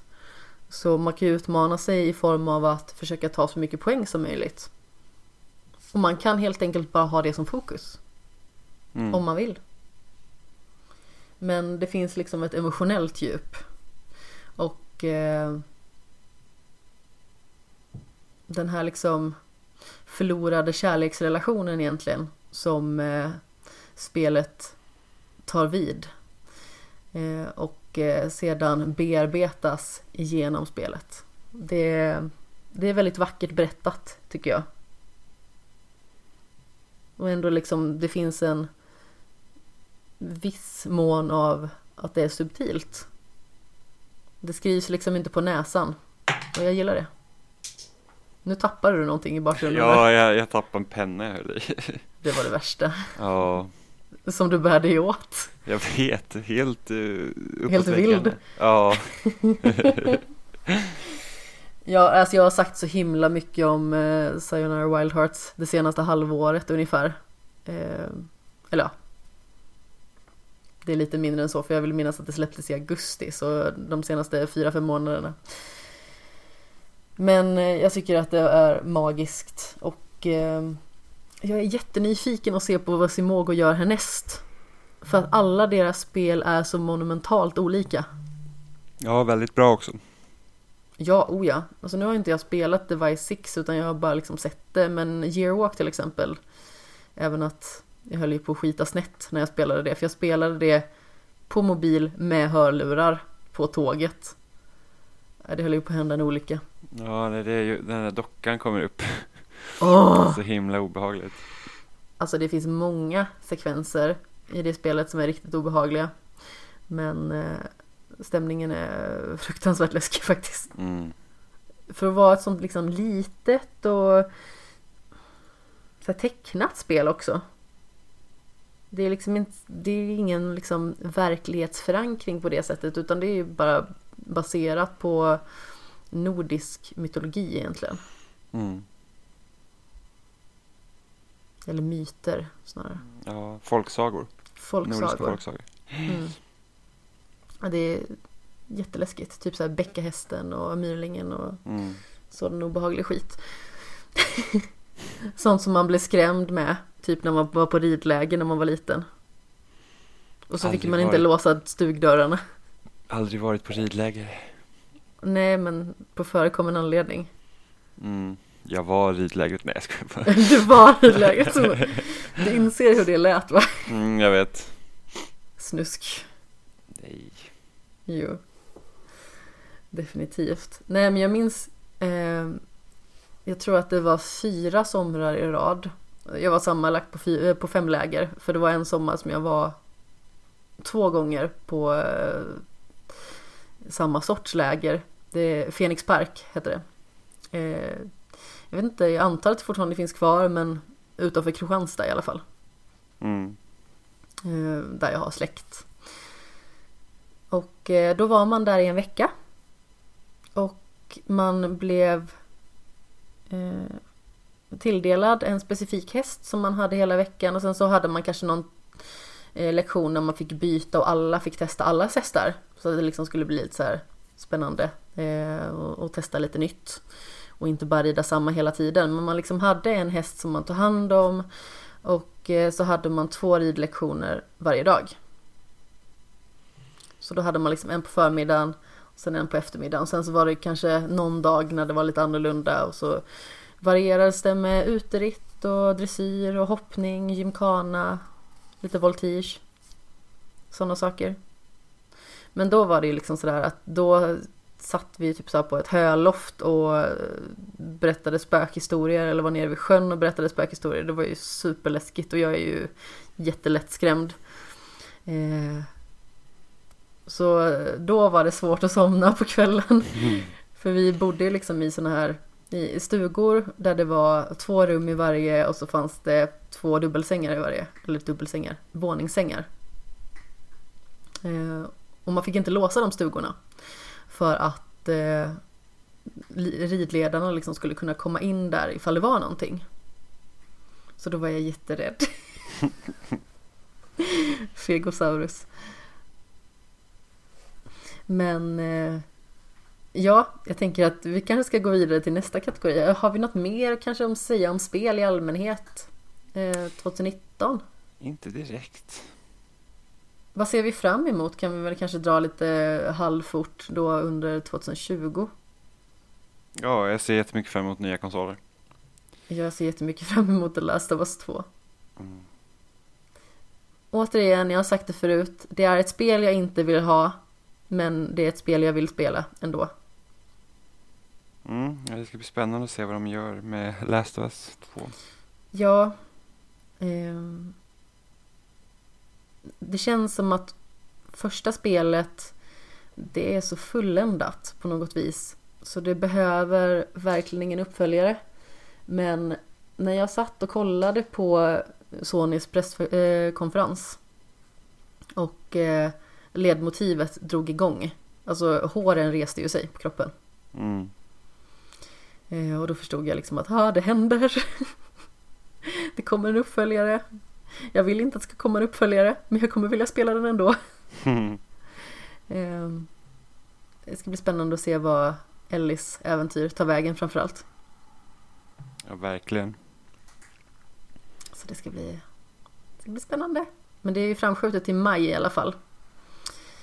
Ehm, det känns som att 2020 kommer bli ett spel, i alla fall för mig, där mycket skämshögstitlar kommer kunna tas om hand. För att det är inte så många spel som jag liksom sådär ser jättemycket fram emot. Jag tror att det är liksom bara för att vi är på väg in i ett generationsbyte. Det känns Gud, som jag att känner det att inte hela är det här så året mycket. exploderar av spel att spela. Jaså? Nej, Ja, jag har gud. liksom så här, ja, men The Last of Us ser jag fram emot, Cyberpunk ser jag lite fram emot. Eh, på grund av skaparna mest då. Men det jag har fått se är liksom inte så jätteöverväldigande i det fallet. Men eh, jag har ju återigen tagit upp The Witcher 3. Vilket är väldigt roligt. För att jag spelade ju eh, mellan april och augusti i stort sett. Tror jag att det var. Då spelade jag ungefär 55 timmar av det spelet. Och sedan så blev jag av med spelet. Och nu när det var mellandagsrea så införskaffade jag Game of the Year Edition. Som eh, fanns på en eh, väldigt eh, rimlig prisnivå. Så då satte jag mig faktiskt häromdagen och började spela det igen. Jag kanske inte riktigt gör allting, vilket det blev ungefär sist. Ehm, I och med att jag redan har sett det och vet vad som händer. Även att jag förmodligen kommer vilja göra mycket i och med att det för, för liksom förenklar för en. Att man liksom utvecklas och man lättare kan ta ner bossar och dylikt. Eller elaka fiender. Men eh, ja, så det har jag ju planerat att jag ska klara av i år. Och sen så eh, hoppas jag ju att eh, Mass Effect kommer på nyare konsol. Mm. Gör det inte det så kommer jag spela det i alla fall för det har jag liksom lovat mig själv och typ hela loading-redaktionen i mångt och mycket. Så nu har jag satt mig i en sits där jag inte kan fly. Eh, Så i år är året som jag tar mig igenom Mass Effect känner jag. Mm. Jag kom på att jag höll på att smyga mig förbi ett segment. Eller en liten del av det här segmentet rättare sagt. Och det är ju årets skämshögspel. Och Ja. det går ju alltså ut på att eh, vi utser det spelet som vi har spelat klart i år. Eller ja, 2019. Eh, som är släppt innan året. Och som liksom har legat i skämshögen. Så då frågar jag dig, vilket eh, blev ditt skämshögspel? Final Fantasy 7. Jag kunde nästan gissa det. Ja, för det är ju ändå ett spel, alltså, ända sedan jag liksom började läsa mer om spel och sånt typ 2000 har Ja, liksom varit så att Final Fantasy 7 har liksom varit ett spel som det, det, det var liksom stora grejen och just det här med typ det var ju starten på något helt nytt kändes som. Ja, jag tror just det här med att Ares som en av huvudkaraktärerna dör mitt i spelet var ju liksom en jättestor händelse vid den här tidpunkten. Ja men precis och det går absolut inte att få henne tillbaka. Även att folk har försökt att eh, typ så här, kolla i koden och sånt där och bara så här men det ska finnas så här många karaktärer på det här stället i, i spelet så man kanske kan klara att eh, få tillbaka henne eller att hon inte dör eller någonting sånt. Men eh, det var ju liksom en så revolutionerande grej när en karaktär bara kapades med fotknölarna och hon dör ju ganska så brutalt i ärlighetens namn. Mm, och speciellt när en karaktär som man liksom haft med och uppgraderat och haft liksom levlat och grejer. Ja, det blir ju väldigt känslosamt. Mm. Men det, det är i alla fall det jag har spelat. Det, kändes, det är första Final Fantasy jag klarar också, även om jag spelat flera. Ja, jag har inte heller klarat sjuan faktiskt. Ehm, det enda Final Fantasy som jag faktiskt har klarat är Final Fantasy 4. Mm. Som jag spelade på Game Boy Advance. Men jag har ju spelat eh, en hel del på både sexan och sjuan.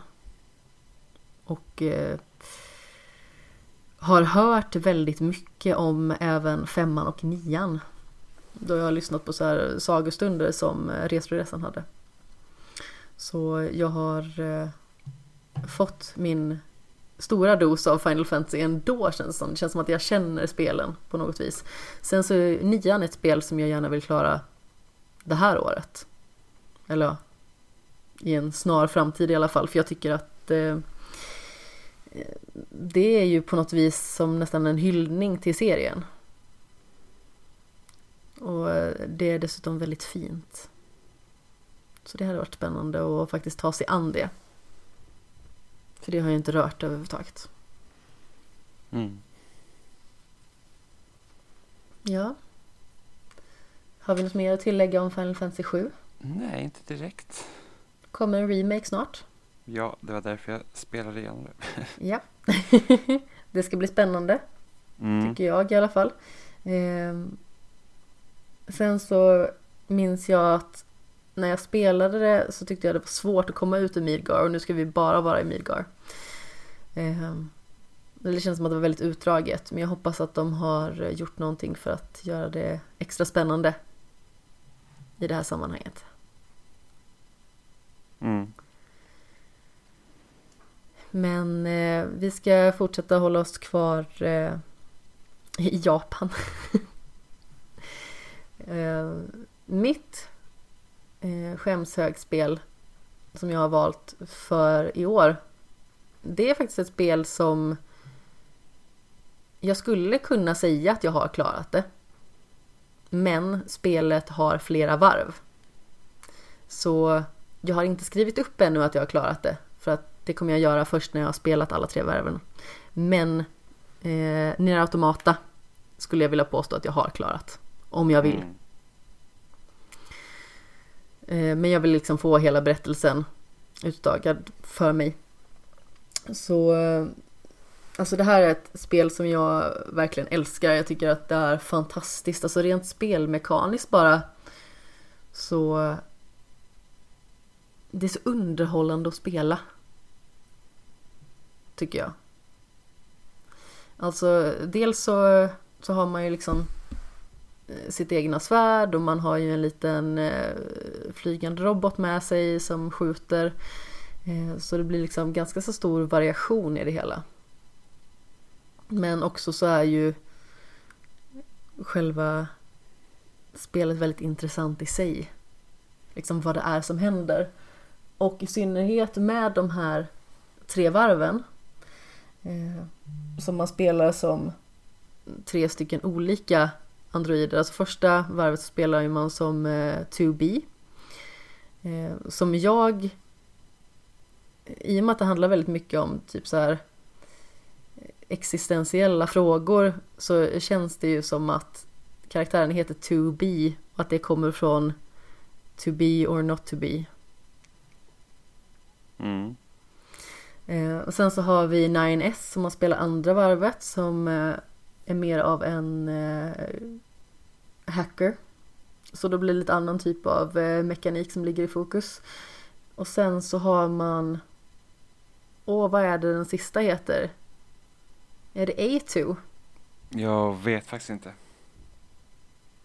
Jag kommer inte ihåg vad den sista heter i alla fall, men det, det är tre varv, tre olika eh, androider.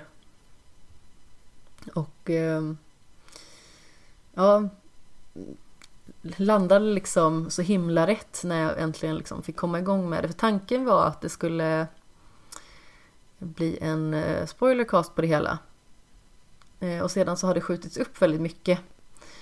Eh, och jag spelade det liksom så att jag var klar med första varvet och hade kommit halvvägs genom andra varvet ungefär när det var typ en vecka kvar tills att det skulle spelas in.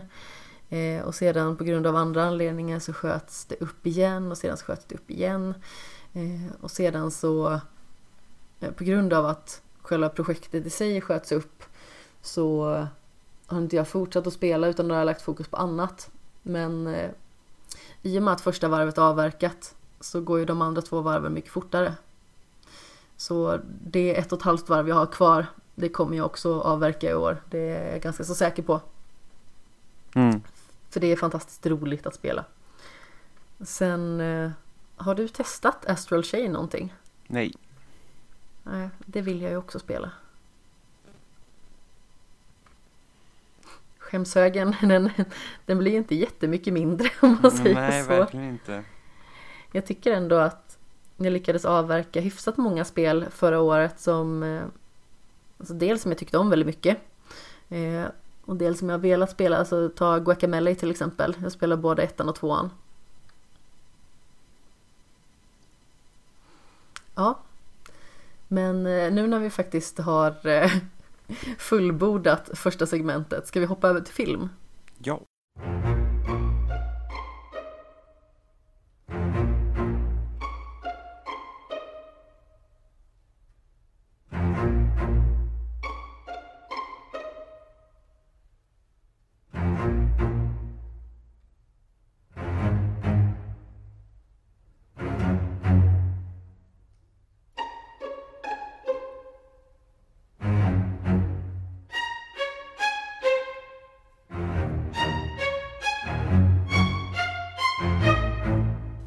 Vill jag veta vilken film du har på position nummer fem. Jag satte Jokern på position 5. Och Jag varför inte- fnissar du? Jag har inte sett så mycket film i år, eller liksom film som jag tycker passar på en topp 5-lista heller liksom, så att eh, och sen typ så här några Netflix original så här, ja, det är liksom inte alltid det bästa som finns. Men jag satte Jokern på position 5. Anledningen till att jag fnissar är för att jag somnade under den här filmen så att jag har inte sett hela. Nej, det, det gjorde du lite grann. Precis, jag har sett början, jag har sett slutet. Eh, men det jag såg var bra. Ja, alltså Eh, det är en väldigt bra film och jag ska ju ärligt säga att den låg där ett tag och tampades med alltså de sista positionerna på listan. Men jag valde bort den faktiskt. Eh, det fanns ju några till som eh, låg ungefär på samma nivå som också hamnade utanför. Men eh, Joker är en väldigt bra film. Mm. Jag tycker det intressantast med det är att man tar liksom man håller sig lite borta från det här superhjältetjafset liksom att det, Ja. den är liksom mer jordnära än de andra tidigare eh, liksom, filmerna. Sen hade jag ju önskat att den liksom håller sig mer borta från Batman-universumet än den gör. Ja, alltså det blir lite fånigt när man måste se Martha och Thomas Wayne dö igen. Ja, och, och det är liksom väldiga sådana här um, sådana callbacks som blir lite så här, det blir lite sökt. Kunde inte bara Jokern ha varit i fokus för att liksom Gotham är en stor, eh, ett stort, en stor stad. Så att folk behöver liksom inte åka kors och tvärs över varandra hela tiden. Liksom. Eh, Nej, men exakt. Och det, det jag känner liksom att om de nödvändigtvis behövde liksom ha med den händelsen då hade man kunnat göra det väldigt mycket mer subtilt. Eh, Så att det liksom inte blir hela den här, åh här dör de igen och där flyger pärlorna och eh, eh, ja, vi måste knyta liksom den här skurken till hela den revolutionen som håller på att starta här i Gotham. Jag tyckte Mm. det blev väldigt fånigt. Mm, Även att det drog inte ner så himla mycket. Men jag kände liksom att det här är ett drag som är väldigt onödigt för att ehm, det är någonting som upprepas om och om igen. Och jag förstår inte varför folk är så himla kåta på liksom var Batman startade för någonstans. För den har spelats in och berättats på så himla många olika sätt. 71 miljoner gånger och jag bara känner, kan vi inte bara släppa det? Det är okej. Vi vet vad som hände. Mm.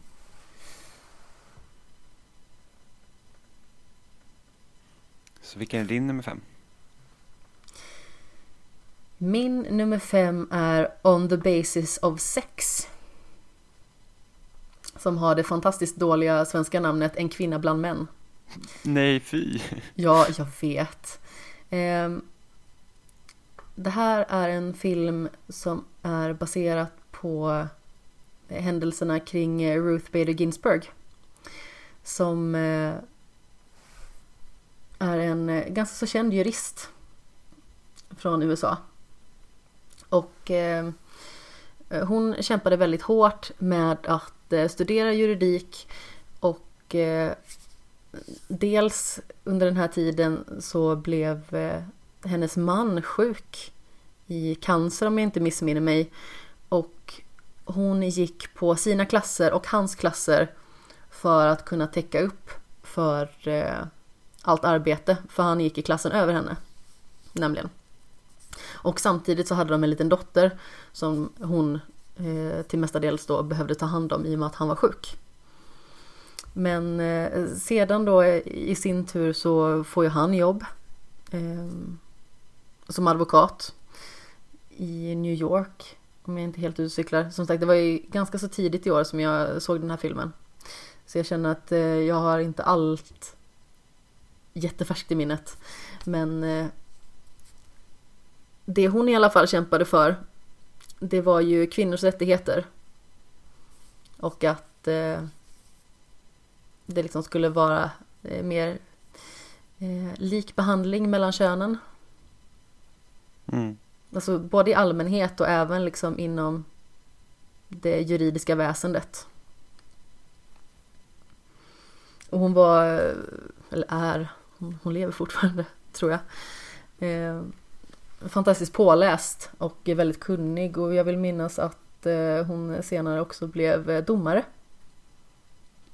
Så hon stannade liksom kvar i eh, liksom, juridiken även att hon bytte inriktning senare.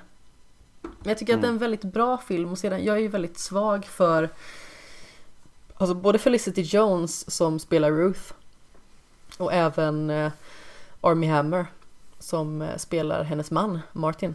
Mm. Och deras kemi är väldigt fantastiskt och något som jag gillar väldigt mycket med den här filmen det är att det bygger inte upp så himla mycket så här relationsdramatik på det sättet. Ofta så har ju många filmer liksom att ja men nu måste vi skapa någon form av jättekris de här två emellan bara för att något ska hända. Utan, men det känns hela tiden som att de är så fina mot varandra och de stöttar varandra och han stöttar hennes sak väldigt mycket. Samtidigt som hon liksom har hjälpt honom genom svåra perioder. Eh, jag tycker att eh, deras skådespeleri mot varandra också funkar så himla fint. Det känns väldigt trovärdigt. Mm. Det är inte alltid lätt liksom att ta sig an roller som baseras på liksom verkliga händelser för att oftast så, så skiljer det sig en hel del liksom kring eh, hur det var. Men mm. det känns trovärdigt. Det känns liksom som att men det var så här det gick till. Och jag känner med karaktärerna, jag gillar karaktärerna. Framförallt så... Ja men... Det är viktiga frågor som tas upp i filmen. Mm. Ja. Position nummer fyra Jimmy. För mig är position nummer fyra Avengers Endgame. Jaså minsann. Ja, eh, hade någon sagt för, till mig för tio år sedan att jag skulle tycka att eh, Marvel-filmer var något att hänga i granen så hade jag skrattat åt dem. för att jag tyckte verkligen inte om några filmer förut. Eh, men det ändrades med Infinity War. Ja. Eh, Som jag, jag tycker med... är bättre än Endgame. Ja, det tycker jag också. Eh, Hurra! Men jag måste ändå säga att Marvel, alltså de har lyckats knyta ihop den här säcken på ett otroligt snyggt sätt. Eh, något som egentligen inte har setts tidigare inom film. Det är 22 filmer som skulle liksom sammandrabba i en, liksom en stor final helt enkelt. Eh, och de gjorde det verkligen med bravur. Alltså det ja. kändes verkligen som att alla karaktärer fick ha liksom sin e liksom egna spotlight utan att det blir spretigt eller liksom att eh, det inte Ja, men att, att det liksom blir så här att det är för rörigt när det är så många karaktärer som är med i rörelse utan det, det var verkligen ett, ett fint paket helt enkelt med eh, hur vissa karaktärer liksom eh, fick sitt avslut och sådär. Ja. Det kändes liksom genomtänkt på ett sätt som många andra liksom finaler inte har varit på senare tid. Att, eh, Syftar du på någon specifik? mhm. Kanske syftar du på Game of Thrones? Ja, kanske.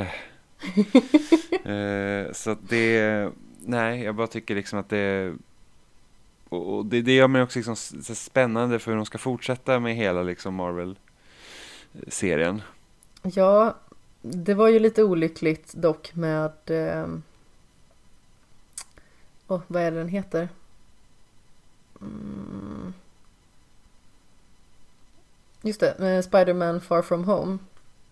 Den senaste. Det kändes ju som att fortsättningen på Marvel-universet nu höll jag på att blanda ihop universe och universet. Så det blir så här, universet. eh, fortsättningen där började inte jättefantastiskt alltså. Alltså det är en okej film. En hyfsad film, men ja, jag tyckte inte att den var så himla mycket att hänga i granen om jag ska vara helt ärlig. Det känns som att de är lite tillbaka på det här eh, eh, lallandet som eh, de hade innan. Det kändes som att det verkligen var seriöst. Mm, ja, det beror, lite på hur de kommer. Det kommer ju ta ett tag innan eh, de gör en mashup igen, så det känns som att det är lite av en reboot nästan. Ja, nej men precis. Jag tyckte också att Endgame var bra, men... Eh, ja, jag tycker inte att den var tillräckligt bra för att slå sig in på min topp 5 i alla fall. Jag har inte Så- sett så mycket av årets filmer. Nu har jag spoilat min lista. Eh, på min fjärde plats så har jag Knives Out. oh. Och eh, det var ju en film som vi faktiskt, vi såg ju den i år. mm. Men eh, tack vare att vi såg den precis innan avsnittet så eh, kunde vi räkna med den, härliga tider. Eh, för det är ju faktiskt en väldigt bra film. Det finns ju väldigt många sådana här typ Cluedo kriminaldraman som eh, de känns liksom väldigt vanliga och inte som att de har något nytt att komma med. Men just Knives Out det kändes som att den tog nya vändningar hela tiden. Och, och samtidigt så, jag kände mig liksom exalterad när jag kom på liksom hur lösningen förmodligen skulle vara. Och det är väldigt sällan liksom jag känner det att åh, åh jag vet, jag vet, jag vet. jag vet hur det ligger till. Man liksom får Mm. känna sig som sin egen detektiv på något vis. Och som att man liksom är en del av spelet. Men filmen handlar ju helt enkelt om en gammal man som hittas med eh, halsen avskuren. Och eh, man börjar ha förhör med hela familjen. Och därefter så eh, liksom nystas saker och ting upp mer och mer. Och eh, det är två stycken poliser som eh, håller de här förhören och det är även en privatdetektiv vid namn Benoit Blanc som är spelad av Daniel Craig som faktiskt gör en väldigt bra roll. Mm. Eh, som eh, håller liksom i de här eh, undersökningarna och eh, försöker att nysta i vad det är som kan ha hänt och eh, hur händelseförloppet liksom har gått till.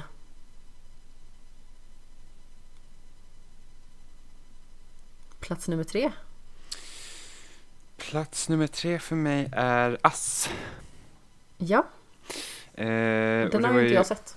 Nej, det borde du göra. Den var faktiskt väldigt bra. Jag vet inte om Eh, jag vågar se den själv. Den är inte så läskig faktiskt. Mm, Eh, men den handlar ju om det är ju, eh, man får följa en svart familj då och helt plötsligt börjar det dyka upp kloner av människor. Alltså det är liksom exakta kopior av alla som liksom finns ovan jord så att säga. Eh, och de här kopiorna då, de satsar på att eh, mörda de riktiga, eller riktiga människorna, de människorna som faktiskt lever där.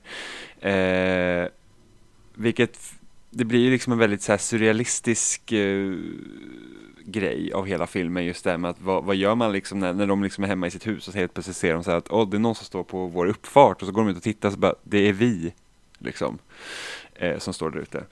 Eh, så vilket gör det väldigt mystiskt. Men så den här filmen den är liksom ett Alltså som jag såg så var det ganska kritik mot det här hur man liksom ser på typ välgörenhet och sådana grejer. Det här med att vi har gärna stora galer och skänker pengar till sådana som behöver liksom vara och sen så är det klart och sen så är problemen ur världen trots att de inte är det.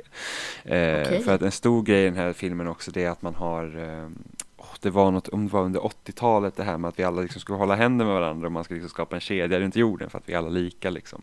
Eh, så den filmen kritiserar det också. Jag vill inte spoila liksom, säga hur det slutar men det är liksom, det finns ganska tydliga drag till det. Ja. Eh, så det är väldigt klasskritik och lite sådana saker. Eh, och samtidigt så precis, det är Jordan Peele som har gjort den så att det är även liksom ett finns ju även liksom kritik mot rasism och lite andra sådana saker i det hela också. Men en väldigt bra film, en väldigt annorlunda film. Jag vet inte om jag tycker att den är lika bra som Get Out. Den var jättebra. Ja, men den, den var också bra den här. Läskigaste ögonblicket i Get Out när han går ut i trädgården och helt plötsligt så är det någon som tar en sån här pianoton, så här skräckpianoton. Jag hoppade fasen rakt upp i biostolen.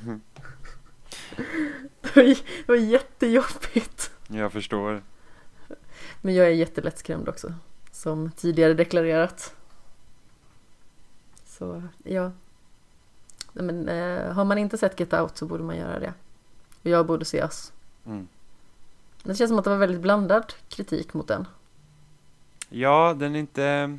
Den är inte lika unisont den... hyllad som Get Nej, Out Nej, för den var inte lika, jag tror inte den var lika lätt-tolkad heller. Eh, som Get Out var. Den kändes inte lika så här, det kändes inte så uppenbart vad den handlade om. Den är kanske inte lika mycket upp i nosen på eh, de den riktar sig mot. Nej. Jag bara så här, vilken position var vi på? Mm. Bra jobbat. Jag sitter ju faktiskt med listan precis framför mig. Anteckningar eller och så. Eh, min position nummer tre det är Once upon a time in Hollywood. Regisserad av eh, ingen mindre än Quentin Tarantino. Det är lite roligt att han hamnar på plats nummer tre här för jag, jag tror faktiskt att det är också den tredje bästa Tarantino-filmen. Jag tror att jag har sagt det tidigare i podden också. Mm. Men jag tror faktiskt att jag håller den så pass högt. Men det handlar ju om en eh, avdankad skådespelare vid namn Rick Dalton som med sin eh, stuntman Cliff Booth spelad av Brad Pitt och Rick Dalton då Leonardo DiCaprio om jag inte sa det. Eh, försöker liksom att hålla sig lite mer relevanta eh, även att det liksom börjar gå ut för och sen så är ju Cliff Booth han, han är ju liksom lite mer han blir någon form av så allt i allo chaufför snedstreck handyman eh, till Leonardo DiCaprios karaktär här. Mm. Eh, väldigt rolig sådan. Eh, så man får ju följa de två karaktärerna men sedan får man även följa Margot Robbies karaktär som då eh, porträtterar Sharon Tate. Eh, och eh, hon eh, blir ju successivt under filmen mer och mer gravid och man vet ju liksom vad det är som eh, ska inträffa helt sonika. Eh, spel, eller spelet höll jag på att säga, filmen eh, handlar ju om och ska på något sätt kulminera i de här Manson-morden. Helt enkelt. Men det finns en ganska så rejäl twist. Och eh, Quentin Tarantino skriver om historien lite grann, så som man gärna gör. Mm. Och eh, precis som vanligt så ballar det ur. Eh, det ballar ur lite senare än vanligt. Men jag tycker att det... Den höll mitt intresse uppe hela tiden. Den är ju jättelång. Eh, mm. Vilket man kan förvänta sig av honom. Men det var verkligen så här, jag kan inte se vart den här filmen är på väg någonstans. Vad vill den här filmen säga till mig? Och jag tyckte ändå att istället för att det liksom skulle bli sådär att man inte kunde koppla filmen så kände man på något vis att, att det blev spännande istället. I och med att man visste ju vad målet var på något vis. Det är så här, vad kommer hända däremellan? Alltså det var en suverän film verkligen. Jag kände mig alldeles eh, på supergott humör när jag hade sett den. Mm. Jag satt verkligen och bara skrattade när eh, det ballar ur. Mm. Vad har du på din position nummer två? Min position nummer två är Once upon a time in Hollywood. Va? ja. Eh, men precis som du sa, så den är ju helt, eh, alltså den är ju verkligen Alltså den faller på att den är lite så att det inte finns någon riktning känns det som i början. Det är så att jag vet inte riktigt vad den här filmen handlar om. Eh, sen så har den sådana fantastiska delar och den har ju den här Tarantino-humorn också, att det liksom händer bara saker som är helt absurda. Liksom ja. bara en sån här, som när Brad Pitts karaktär slänger in Bruce Lee liksom i en, i en, i en bil liksom. Och bara så här, och han typ bara upp och säger nej jag har inte blivit slagen typ. Liksom bara borstar av sig och bara nej det här är ingenting. Ja, så himla eh, roligt. Och sen det här liksom också att det är typ att ja, Brad Pitts karaktär kanske har mördat sin fru, det är lite oklart. Liksom det, det, det gör så att man hela tiden sitter på spänning för att man känner att man inte riktigt har pejl på karaktärerna. Det känns som att de inte är liksom riktigt är tillförlitliga på något vis. Precis, men, liksom, men det finns en nyfikenhet i att man vill liksom se vidare då och se vad de, vad de, hur de liksom agerar. Eh, sen så tror jag kanske att filmen hade kanske varit hon hade fokuserat mer eller mindre på Leonardo DiCaprio och Brad Pitts karaktärer, liksom att vi hade fått se den, alltså som en, liksom en, en, en, en röd tråd helt igenom. Att liksom deras liksom resa, han som avdankad eh, liksom skådis som lyckas liksom få någon form av comeback och sen liksom Brad Pitts karaktär vad liksom han ska göra när liksom Hollywood ändrar sig och sådana där grejer. För att det blir lite så att de här delarna med Margie, Margot Robbies karaktär blir liksom att det är så att jag vet inte riktigt varför jag tittar på det här. Nej, men jag tror framförallt att folk som inte riktigt känner igen vad det egentligen var som hände. Om man inte vet vad det var som hände så blir hon ju mördad. Precis, och jag hade ingen koll på att det var det filmen handlade om. Eh, så att jag var lite såhär, jag bara jaha, liksom så här, vad, vad, för att då kan jag förstå, vet man om det så, så, finns det ju en, en, annan dimension av spänning där, för att då, vet, då tror du att hon kommer bli mördad. Ja, eh, ja men precis, det var det jag satt och väntade på typ hela tiden. Precis, och jag hade ingen aning, så att jag var såhär, okej okay, nu går hon på bio och här sitter jag också på bio liksom, vad roligt. Ja. Eh, men sen är finalen i den filmen är ju helt absurt tokig, alltså det, det händer ju så knasiga grejer där och det, det, liksom, det ser ju riktigt vidrigt ut, men alltså alla satt liksom och skrattade i bion för att det är liksom så absurt. Det är ju så roligt för att det ballar ur. Men jag har sagt det för och jag säger det igen. Det är väldigt många som är väldigt kritiska till det övervåld som Tarantino liksom har i sina filmer. Jag tycker att det nästan blir som någon form av humorform. Ja, men han vältrar sig inte i våldet. Det blir liksom inte, man njuter inte av våldet. Inte, inte liksom den typ av vålds porr typ som Sa och de Nej, filmerna, liksom, där liksom bara att här har vi någon som där drar skalpen av i fem minuter som vi verkligen ja. får liksom se och zoomas in på. Det är inte här utan det är liksom, det är ganska snabbt, det är liksom, det är våldsamt men det är liksom, det hänger inte kvar på ett sånt sätt som att men det är också absurt. Ja, men det blir liksom inte, det är obehagligt men det blir liksom inte, du, den känslan stannar inte kvar att det är obehagligt liksom, att man, när, för att när sen det är liksom klart, liksom de här stora bombastiska scenerna, de våldsamma scenerna, så liksom, då, hänger, då hänger kameran kvar. Först då hänger det liksom kvar, så bara okej, okay, vad fan var det vi nyss såg liksom. Eh, och det är samma sak eh, som det är Once upon a time in Hollywood, var precis i Django Unchained, eh, Pulp Fiction. Det har alltid varit så här, liksom att även Kill Bill har det varit så att, liksom att okej, okay, nu har vi sett en jättevåldsam liksom, grej och sen så bara, så, så bara stannar filmen av lite och så bara okej. Okay vad var det som hände? Låt oss eh, processa det lite. Ja, jag tänker bara på Hitler Pizzaface i eh, Inglourious Basterds. Ja, precis. Det är liksom så absurt så det går liksom inte att göra någonting annat än att skratta åt det för att det känns inte realistiskt. Och jag tycker att det är ett bra sätt att hantera liksom sånt starkt våld. Alltså om man nu ska liksom gå helt galet. Mm. För jag köper det liksom på det viset för att det är liksom inget våld som jag ska sitta och så här, uh, uh, eh, till utan det är så här det går liksom inte att göra något annat än att bara skratta åt det för det ser lustigt ut. Mm. Alltså bara när eh, Rick Dalton kommer ut med liksom en eldkastare. Mm.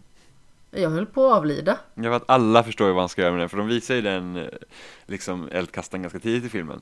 Mm. Så man visste att han hade fått den. och jag så liksom, så jag hade ont. Ja, liksom. för sen så kom han ut med den och alla förstår ju precis vad som hände liksom. Det är så okej, okay, det där är sjukt. Ja, det är underbart det. Mm. Min plats nummer två handlar däremot om eh, väldigt riktigt våld. Eh, på min andra plats så har jag Hotel Mumbai. Mm. Och eh, det är en film regisserad av Anthony Maras. Och handlar om eh, terrorattackerna i Mumbai år 2008. Och då är det terrorister som eh, bland annat eh, tar över Taj Mahal Palace Hotel i Mumbai. Och eh, därmed dels så börjar de skjuta vilt omkring sig och eh, mörda helt obehindrat. Och eh, dels så tar de ju jättemånga av de här eh, hotellgästerna som gisslan. Och de man får följa i filmen det är bland annat Dev Patel som eh, spelar en som arbetar på hotellet. Nu uttalet kanske jag inte riktigt nailar här men Arjun tror jag att han uttalas i alla fall. Eh, och den här karaktären eh, blir väldigt central i hela filmen då han faktiskt ser till och försöker hjälpa hotellgästerna att fly därifrån. Och sedan så har vi återigen Army Hammer. Mm. Som spelar en karaktär som heter David som är där med sin fru och eh, deras barnflicka och deras bebis.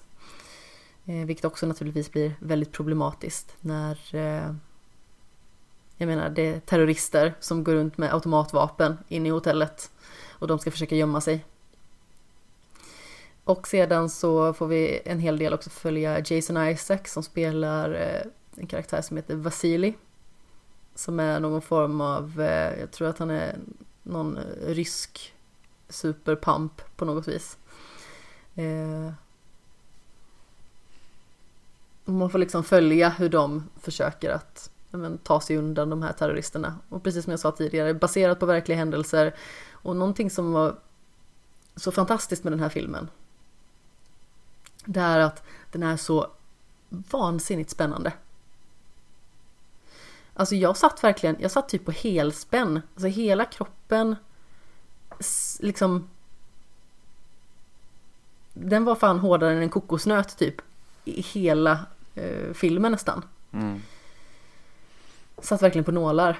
Det, stämningen är verkligen på topp. Och återigen, det, det är liksom svårt att spela ut ett sådant händelseförlopp och få det liksom att kännas verkligt och läskigt utan att det blir överdådigt på något vis. Mm. Med allt vad sprängladdningar och automatvapen innebär. Men alltså, sablar vad spännande den är. Jag höll på att gå upp i atomer där ett tag. Jag tycker verkligen att man eh, borde ta sig tid att se den. Eh, det känns som att den liksom har fallit lite liksom, under radarn på något vis. Jag har inte hört många prata om den. Men eh, den var verkligen eh, fantastiskt bra. Måste jag säga. Och det är också en av de filmerna som, precis som On the Basis of Sex, släpptes eh, i fjol utomlands. Men jag för mig att Hotel Mumbai kom till Sverige i maj. Oj, det var sent. Ja, det var lite knäligt att se den. Min första plats sedan, eh, också släppt 2018 utomlands. Eh, och jag skulle egentligen sett den i London när jag var där förra vintern. Men eh, eh, det gick inte att passa in en bra tid. Då vandrar jag över till dig igen och frågar vad har du på din första plats? Min nummer ett är Knives Out. Va? Ja. eh, och just att jag tycker att det är så himla rolig grej bara att man tar liksom konceptet av typ Cluedo eller de här liksom mordmysterierna, typ morden i Midsommar eller någonting sånt och sen så eh, drar man det lite på sin ända hela tiden. För att no något som var genomgående i den filmen var ju det att man hela tiden trodde att ah, men nu vet jag ungefär hur den här eh, eh filmen fungerar. Och sen mm. så var det inte så helt enkelt. Ja men precis. Utan den det, liksom bytte hela tiden. Det bygger på en väldigt ooriginell idé. Men själva filmen utförs väldigt okonventionellt kan man väl säga. Mm, verkligen. Och sen är det ju väldigt liksom smart grej eh, han gör Ryan Johnson i det här med att liksom att vi har en, en vit familj varav den här eh, latinamerikanska städerskan får ärva hela, liksom alla deras tillgångar i princip. Nej, städerska är hon ju väl inte. Hon, hon är ja, hon, är sköterska. Precis, åt, åt pappan där. Exakt. Mm. Eh, vilket är så himla, för att de är alla så vänliga mot henne och liksom, ja det är klart att hon är en del av familjen och det är så jobbigt för henne liksom för att hon hade en bra relation till den här pappan då. Ja. Eh, och sen eh, så Visar de sina rätta färger. Precis, och det, det är ganska mycket så här för att det är okej okay så länge inte en sån människa, alltså för det blir ju väldigt mycket av den här underliggande liksom eh, rasism så att säga. För att det blir ju så att, ja men det är okej okay så länge inte hon är i vägen för deras planer, för sen var de inte alls lika snälla och vänliga mot henne när, när det blir det här problemet. Eh, och, och det visas ju verkligen via hon, den här dottern som då ska vara den eh, personen som är mest woke så att säga. Eh, hon som går liksom, hon går ju en så här eh, utbildning där hon får typ läsa om feminism och grejer och allting vad det nu var. Ja du menar eh, hon som spelar huvudrollen i 13 eh, reasons why? Precis. Eh, och, det, och, det, ser man liksom där sen mitt i filmen när hon liksom ringer till den här personen, eller till hon eh, som får alla pengar liksom och säger att ja ah, men kolla liksom så att hon får sin skola betald av henne. Så bara, men det är klart vi ska fixa och sen så lägger hon bara på utan att liksom säga hej då liksom, ja ah, men nu är mitt fixat. Eh, och sen försöker de. Så att, så att oh, det, Gud vad jag hatade henne där. Ja, men det blir ju en väldigt sån dragning så det, det är ju en kritik mot hur det ofta kan se ut. Liksom, det är okej okay så länge det inte hamnar i vägen för mig så att säga. Ja. Eh, och man kan låtsas att vara så himla liksom eh, med hela tiden. Eh, men sen när det liksom blir minsta lilla problemet då är det enkelt att kasta åt sidan. Så att jag tycker att det var en väldigt, väldigt fiffig grej. Absolut. Jag instämmer det fullaste. Ska vi skutta över till min första plats? Absolut. Där är det också någonting som är väldigt traditionellt och som också har utförts väldigt okonventionellt. Och eh, min första plats är The Favourite. Som är en eh, svart komedi som möter kostymdrama. Och är eh, regisserad av Georgios Lantimos. Som jag säkert tidigare nämnt också har regisserat The Lobster och The Killing of a Sacred Deer. Och det som är väldigt signifikant för hans filmer egentligen det är ju att de har liksom en väldigt absurd ton skulle man väl kunna säga. Alltså precis som att man är väldigt säker på när man ser en Wes Anderson-film. Mm. Så är man också väldigt säker på när man ser en Georgios Lantimos-film. Det är väldigt tydligt, helt enkelt. Ehm, men den här filmen handlar i alla fall om eh, drottning Anna av Storbritannien som är eh, kroniskt sjuk och behöver mycket stöd. Helt sonika. Och eh, hon är spelad av Olivia Colman. Eh, hon är liksom så här en karaktär som eh, ofta tycker kanske lite mycket synd om sig själv och är väldigt ynklig men hon har också en ganska så eh, svår bakgrund i att hon eh, har förlorat väldigt många barn. Alltså dels eh, när de skulle födas eller bara efter några veckor och även fått många missfall. Så för att hantera det här så skaffar hon också väldigt många kaniner. Som hon tar hand om istället. Ehm, mm. Och om jag inte minns helt fel så döper hon också kaninerna efter vad barnen skulle äta. Men eh, det finns ju andra karaktärer där som liksom vill eh, de vill vinna hennes gunst lite granna på något vis och eh, dessutom då liksom få vara i främsta rummet och vara liksom den viktigaste personen för drottning Anna. Det är dels en karaktär som heter Sarah som då är spelad av Rachel Weisz och sedan så får hon sin eh, nemesis i form av Abigail som spelas av Emma Stone. Och Sarah är ju liksom redan från början en form av hovdam som eh, står drottningen väldigt nära. Och Abigail är utomstående och hon blir liksom skickad dit för att jobba eh, med hushållsarbete i stort sett. Och successivt börjar hon liksom jobba sig upp i rang. Mm. Men det är också liksom väldigt många bra skådespelare med i den här filmen som lyckas anamma Alltså dels den här stroppigheten som kommer med kostymdraman och dels också den svarta komiska aspekten. Eh, så precis som jag sa tidigare, vi har Olivia Colman, Rachel Weisz, vi har Emma Stone, men vi har också Nicholas Holt. Och vi har Mark Gattis till exempel. Eh, och alla gör ett helt suveränt jobb. Alltså jag satt och skrattade så himla mycket till den här filmen. Eh, jag såg den på bio ganska så tidigt, jag vill minnas att det var faktiskt i januari 2019. Så det var när den precis hade kommit till eh, den svenska bioduken. Och eh, som sagt, vill man se någonting som verkligen känns liksom nytt i form av kostymdrama. Jag är ju ingen så här kostymdrama-person, verkligen inte. Ehm.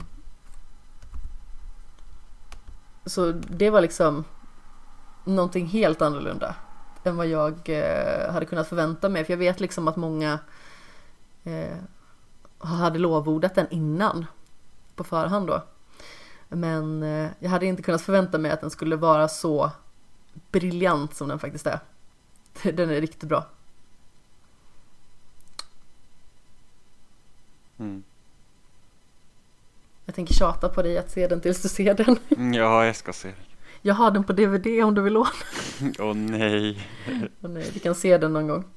Eh, men då har vi ju den här lilla extra knorren på kategorin, precis som eh, vi diskuterade tidigare. Då har vi ju skämskategorin också. Mm. Så vilken är årets skämsfilm? Jag såg Whiplash. Ah, det gjorde jag också. Ja. Har du också den som din skäms? Nej. Nej, okej. Okay. Eh, nej, men, jag såg den i år. Så jag, jag har alltid varit så här typ att, ja men du vet alltid när Oscarsgalan kommer fram så bara här är de här tio bästa filmerna så bara men någon gång ska jag se de filmerna och sen så blir det inte av och sen så går det vidare. Och Whiplash är en sån film jag liksom velat se väldigt länge. Jag gissar att det är för att du också gillar La La Land väldigt mycket. Ja, jag är inte lika överförtjust i La La Land som många andra Oj. Eh, så det var inte därför. Eh, men eh, otroligt bra film och, eh, och vad heter han nu? Eh, J.K. Simmons gör en så otroligt bra roll. Som den där hemska musikläraren. Alltså han är verkligen fruktansvärt vedervärdig. Ja, så otroligt liksom vidrig och sen så Alltså bara så här, alltså man bara känner liksom hur, vilken press alla de här, alltså jag hade, jag hade inte klarat av det, så jag hade liksom sagt, jag hade absolut inte gått tillbaka dit. Det hade liksom varit nope, jag känner liksom att jag hade inte ens hamnat i sånt läge, jag känner att jag måste bevisa någonting heller, utan det är bara så att nej, det är inte värt det. Liksom. Eh, men, men just det, det jag gillar liksom är också med slutklämmen med filmen här när han för att han har ju heller inte fel trots att han är vidrig. Eh, hans metoder kanske man inte håller med om men han pressar ju verkligen dem för att vara så bra de kan bli. För att klarar de hans press så kommer de liksom kunna gå långt om man säger så. Oh ja, absolut. Eh, och jag tror inte att han har fel helt i hur han gör. Det passar inte såklart alla och jag tycker ingen borde bete sig sådär mot någon. Men just det här med att han hela tiden får kvitto på att det han gör fungerar för så, vissa. Så slutar han ju inte heller. Eh, så det är otroligt speciell film. Eh, Mycket, mycket bra. Mm. Och eh, den filmen som jag har valt som eh, min skämshögsfilm som jag eh, tog med an, alltså den är inte så jättegammal om jag ska vara helt ärlig. Utan det var bara att jag missade den eh, året innan i stort sett. Mm. Eh, jag tror inte du har sett den heller men att du vill se den och eh, Black Clansman. Ja, den har jag på Blu-ray inplastad. Och inte öppnad Och inte öppnad, nej jag vet, jag köpte typ fyra filmer i den batchen. Jag har sett, eh, jag såg Green Book och resten är fortfarande inplastad. Ja men precis, vi, eh, vi pratade ju om Green Book där Mm. i somras någon gång vill jag minnas och då har jag för mig att du nämnde Black Clansman i förbifarten. Men här har vi också en, eh, en film som är baserad på verkliga händelser. Jag har en del sådana med mig idag kändes det som. Och det är helt enkelt att det är en eh, polis spelad av eh, John David Washington som med hjälp av Adam Drivers karaktär infiltrerar Ku Klux Klan. Och Adam Driver med i Black Clansman? jajamän, Åh, jag har inte sett den än. Eh, alltså det går ju till som följer att eh, John David Washingtons karaktär, eh, Detective Ron Stallworth, han eh, ringer ju och har eh, liksom frekvent telefonkorrespondens med eh, Ku Klux Klan. Och Adam Driver som då spelar eh, Detective Philip Zimmerman eh, är hans, inte dubbelgångare, men han är liksom, han är personen till rösten. Då, i och med att han är vit. För det är det som är grejen, att eh, Ron är eh, svart. Och han infiltrerar liksom via att eh, prata med dem. Och eh, Philip i sin tur eh, axlar då samma roll och infiltrerar rent fysiskt. Mm. Och blir liksom en eh, del av det här för att kunna slå hål på den bubblan eller vad man ska säga. Och jag tycker att eh, alltså den är också otroligt spännande. Och det liksom finns en väldigt snygg humoristisk touch i det hela liksom hur eh, de liksom lyckas med bedriften här att lura Ku Klux Klan. Det är väldigt jobbigt att säga för övrigt. Så jag ska sluta säga det. KKK.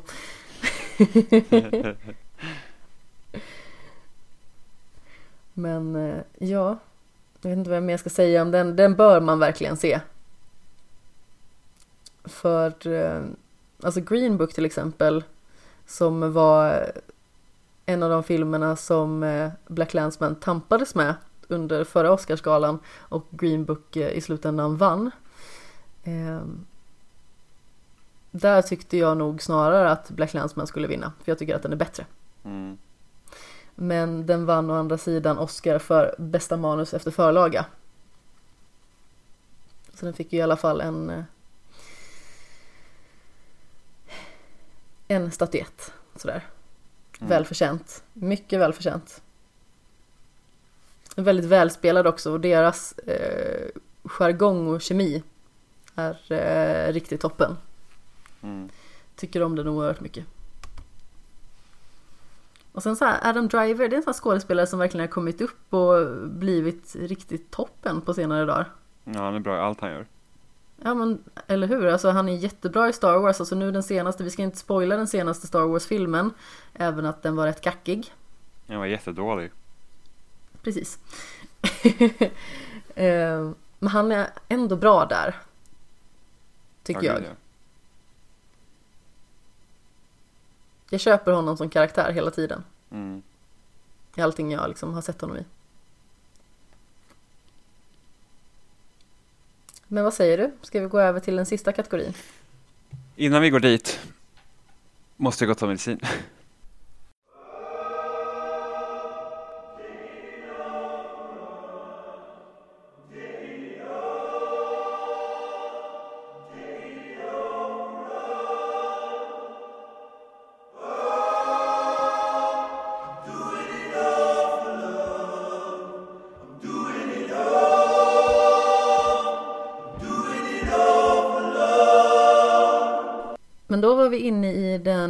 Sista kategorin av dessa tre.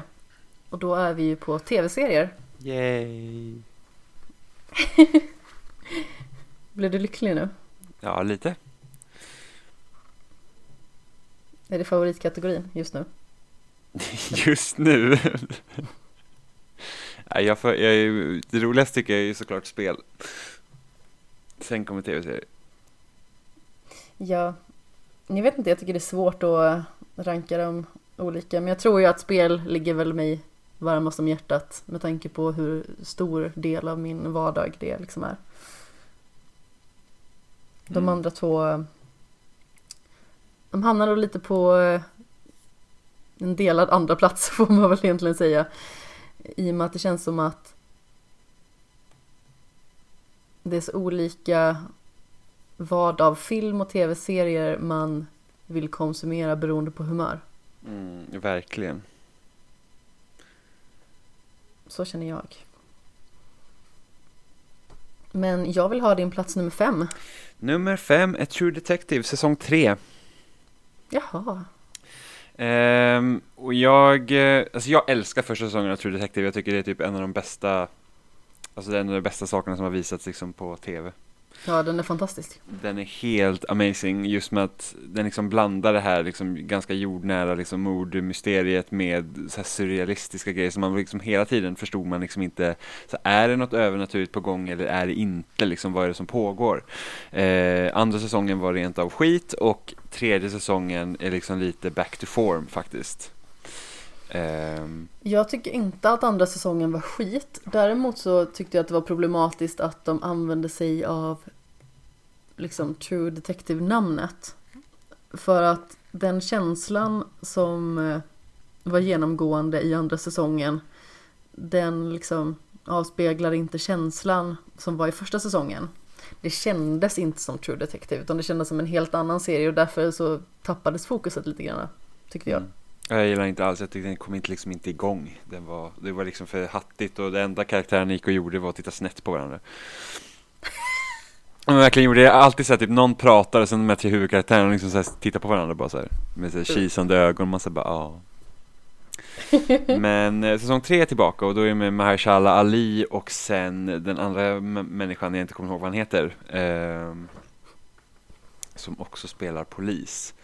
Eh, och, det, och den går ju liksom den, den går ju lite där som eh, första säsongen gjorde. Att man har liksom en, en karaktär man kanske inte riktigt kan lita på vad han berättar som är sant. Även om man vet om att han liksom inte är the bad guy så att säga. Eh, första säsongen av True Detective så var det lite oklart vad Rust och hans eh, partner, liksom vad, vad, vad deras roll i, liksom, inom det här var. Det blir Ja, inte det är inte oklart i säsong tre, utan men det är väl mer liksom, man vet inte riktigt för den här karaktären har Alzheimers, så man vet inte riktigt det han berättar om det stämmer. Eh, och eh, det bildspråket de använder liksom för att visa hans sjukdom är så himla snyggt. Eh, Ja, oh, ja, absolut. Mm. Eh, så att jag tycker att det är väldigt bra och det är skönt att de fick ta liksom tiden på säsong tre för att säsong två rushades ju verkligen ut. Eh, eftersom första säsongen blev så stor succé. Nu är det ju, jag tror att, vad kom, eh, True Detective kom 2014 2015 och säsong två kom liksom året efter direkt medan ja, den här säsongen har ju varit liksom flera år vi har väntat Ja. på den. Men det, det liksom, de gick tillbaka till mörkret, var liksom bort från det här lite mer bombastiska som säsong två hade, liksom att de var i Los Angeles och det skulle vara mycket shootouts och explosioner och grejer och det är liksom nästan så att man trappade upp serien men att man, då förlorar man lite vad kärnan borde vara och det är det här att man är liksom nå- i någon eh, stad liksom ute på vischan. Småstad verkligen. Ja, med en småstad. Eh, med alla karaktärer som har sina egenheter och sen då går de igen det här med lite de här religiösa liksom samhällena som liksom är stöpt i sin tro vilket liksom eh, blir sådana uppenbara problem eh, vid de här brotten och sånt. Mm. Eh, och folk håller varandra om ryggen som de kanske inte borde och liksom det är liksom en, en, en stor apparat bakom som mörkar. Och sen då har man de här två poliserna då som ska, ska fixa det. Och eh, återigen hoppar de liksom i tiden så att man har liksom tre tidslinjer man egentligen följer i den här säsongen. Men den, den var väldigt bra, mycket sevärd. Ja, absolut. Även att den inte är fullt så minnesvärd tycker inte jag som första säsongen. Ja, nej, men det är ju jättesvårt att komma jo, upp i det. Jo, absolut, men eh, jag vet inte. Jag tyckte att det var, den var bra. Men jag minns eh, inte lika mycket vad som hände egentligen. Men eh, hur som haver, min position nummer fem är Euphoria. Som vi ju pratade om i somras mm. när den fortfarande var pågående på HBO. Och eh, det är ju en ungdomsserie som är ganska så mörk egentligen. Mm. Och den visar verkligen de fulaste sidorna av eh, tonårslivet. Eh, inblandande står väldigt många eh, unga karaktärer som eh, man tycker mer eller mindre om. Men eh, någonstans så kan man väl på något vis känna med dem i alla fall. Det som jag tycker eh, blev lite för mycket för att den skulle komma upp på en högre positionering det är liksom att serien på något vis faktiskt får en antagonist. Mm. I eh, den här Nathan då helt enkelt. Vilket jag tyckte kändes lite onödigt. För det känns som att eh, eh, å, återigen så är det en ungdomsserie som tar stora proportioner. På något vis. Liksom med eh, polis involverat och, och sådana saker. Och väldigt många så egna beslut som fattas bland de här ungdomarna. Som är väldigt stora beslut. Och det känns som att det blev lite väl överdåligt där ett tag. Mm.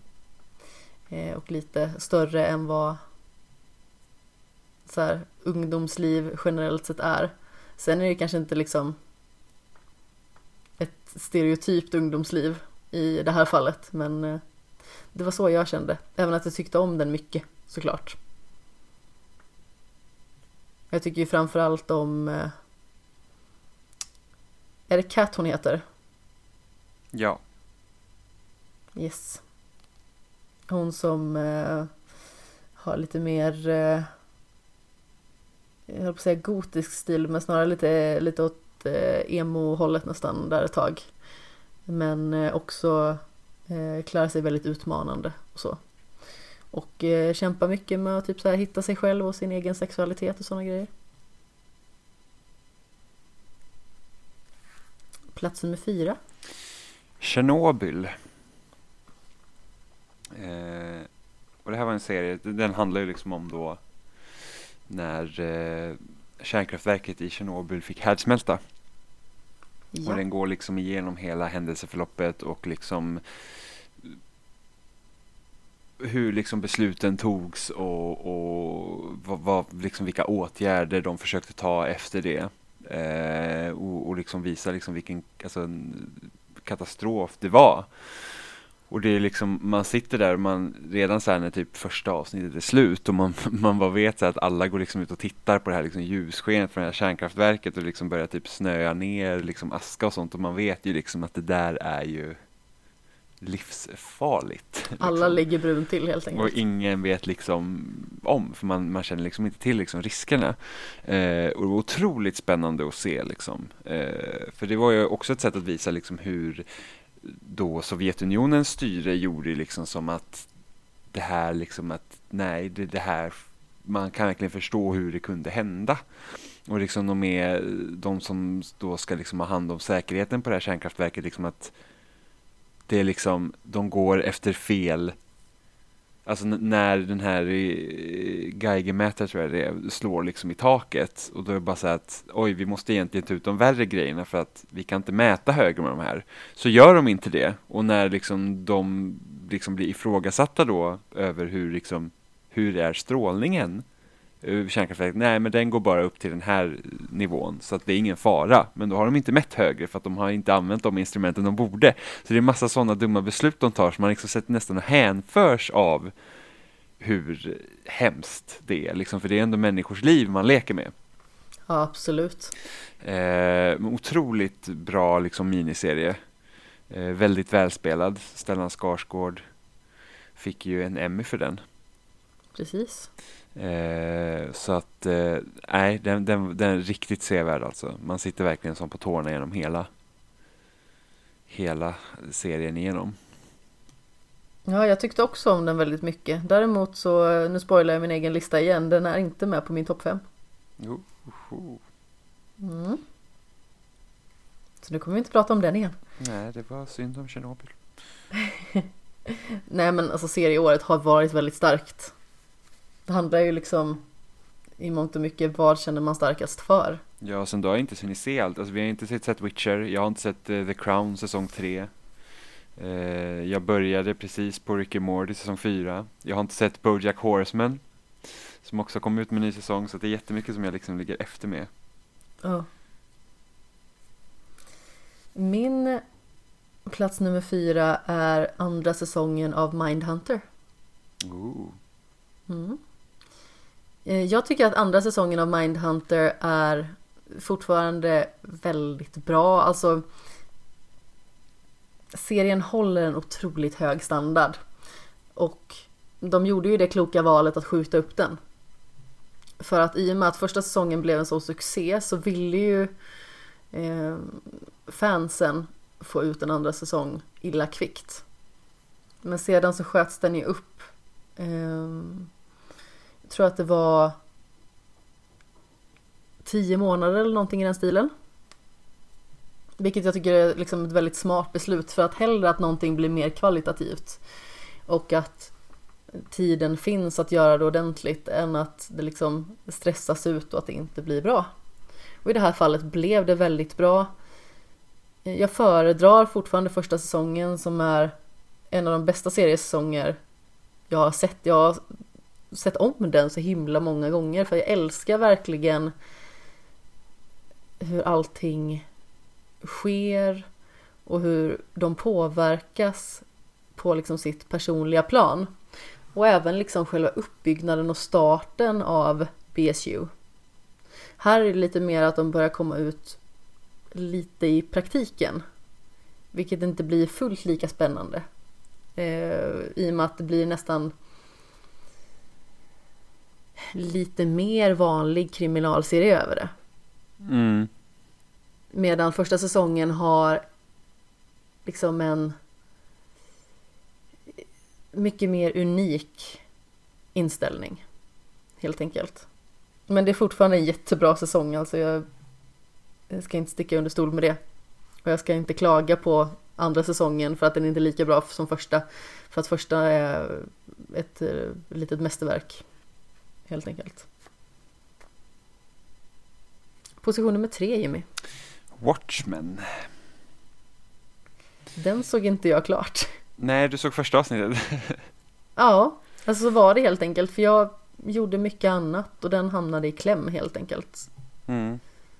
Jag såg hela och jag tycker att den är väldigt bra. Uh, jag tycker hela konceptet med Watchmen är väldigt intressant för att de liksom tar ju det här med att vad händer om Batman skulle finnas på riktigt lite. Mm. För att det är ju liksom egentligen har ju rent generellt sett så har ju de här liksom personerna har ju inga superkrafter. Eh, utan det är ju, de, de slåss ju bara. Det är ju liksom trasiga människor som helt enkelt utför våldshandlingar för någonting som de tror på i princip.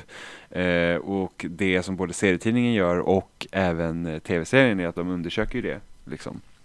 Hur, är, hur, hur, påverkar det människorna? Speciellt serietidningen var ju verkligen så att, för då är ju ändå efter liksom deras storhetstid. Eh, liksom, serietidningen utspelar sig liksom en bit efteråt. Även om man får se liksom delar ur deras liv när de liksom har hållit på och bekämpat brott och så. Eh, så även den här liksom är så att det här utspelar sig vad 30 år efter serietidningen tror jag. Eh, och, och, det är fortfarande så att du har ju de här frihetskämparna och sen så polisen har ju på något sätt blivit också en eh, symbol för att de bär också mask. Så att du måste typ vara anonym som polis så att inte folk liksom går söker och upp dig. Söker upp dig, precis.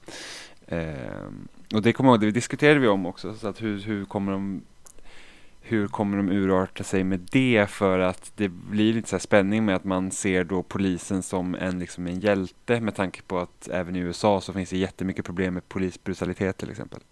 Eh, men jag tycker de sköter det väldigt snyggt i serien eh, och just det här med att de de tar verkligen tag i det här med att alt-right har liksom rest sig eh, och är ett problem och liksom är egentligen livsfara för många människor.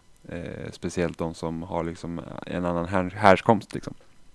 Annan hudfärg. Och de liksom, det är inte så att något de dansar runt heller utan det är verkligen så här ni vita människor som typ har startat Ku Klux Klan igen liksom. och de Mm. bara, ja men vi tycker typ inte om färgade människor, varför ska ni komma hit liksom? Eh, så att det, den spänningen finns genom serien he, helt igenom. Liksom. Eh, Oh, ja. Och sen är det ju Damon Lindelof som har skrivit den och det är även han som har skrivit Lost och The Leftovers. Så eh, The Leftovers som jag också bara sett ett avsnitt av. ja, The Leftovers är så bra. Jag tyckte det- den var svår att komma in i. Den är jättesvår att komma in i för när jag såg första avsnittet så var jag också så här, nej det där vill inte jag se. Så jag slutade kolla. Och sen så såg jag den, det var Emma som pushade mig att se den. Ja, men det var inte så himla mycket för egen del att jag kände att nej, den här serien vill jag inte se, utan var mer så här, nu vill jag se något annat. Eller jag hade annat att se snarare. Mm. Ja, för mig var det så här att jag tyckte att mysteriet i Leftovers var mycket mer intressanta än människorna i den och jag var så här att om inte liksom man kommer få veta vad är det som egentligen har hänt så då vet inte jag vad jag är så intresserad. Men grejen med The Leftovers det är ju det att den undersöker ju, okej, säg att en andel av människorna bara försvinner och då undersöker den, okej, hur hanterar människor sorg efter det? Eh, och när man tänker på det planet då blir det mycket mer intressant. Mm. Det är ju lite som efter smulningen egentligen i eh, ja, Endgame. Ja, precis. Smulningen, ja du, du förstår vad jag menar. Ja, men lite, ja men man kan ju skoja om att säga Infinity War är en prequel till The Leftovers liksom. Ungefär så. Mm. Men Watchmen var, den, den var riktigt bra. Alltså den, eh, de- den hade sina twist and turns den också. Och speciellt de typ tre sista avsnitten är verkligen så här, oh, Ja, jag måste ta tag i den igen. Men det är så mycket jag vill se. ja det är ju det. Och sen så finns det ju saker som vi ska se. Eh, som jag också vill se. Jag ser så här spänd på det. Alltså The Witcher till exempel. Mm. Och sen så kommer ju andra säsongen av Sex Education snart. Mm, och sen såg jag också att Om typ eh, nio dagar eller någonting. Ja, och Netflix ska släppa eh, Lock and Key som kommer i början av februari. Och det är liksom, det är en tv-serie som är baserad på en serietidning som också heter Lock and Key som jag har velat läsa jättelänge. Ah, Eh, så det ska också bli kul att se vad det är för någonting. Mm. Och sen allt annat man inte har hunnit se än som ligger i pipen liksom. precis. Jag blev tipsad häromdagen om en serie som jag tror att den hette Chewing Gum. Som precis som eh, Fleabag är en sån här kort brittisk serie. Vad jag har förstått. De ska tydligen inte vara helt eh, olika på det planet. Så det är mycket nu Mm. med serier och sånt. Jag önskar att det fanns, man kan ju ha en lista på Netflix, men jag önskar att Netflix hade en sån här lista också, att det här är tv-serier du har börjat kolla på. Och det här när det kommer nya avsnitt på den, då borde det liksom lysas upp eller någonting sånt, så att man liksom kan att min lista är ju liksom så jävla smockad och sen så försvinner den här nya avsnitt-taggen så man glömmer ju liksom bort om det har kommit nya avsnitt eller inte. Ah, ja. När kommer nya avsnitt av Brooklyn 99? Eh, 6 februari. Ah. Spännande. Är det sjunde säsongen då? Korrekt. Ja, nej men precis.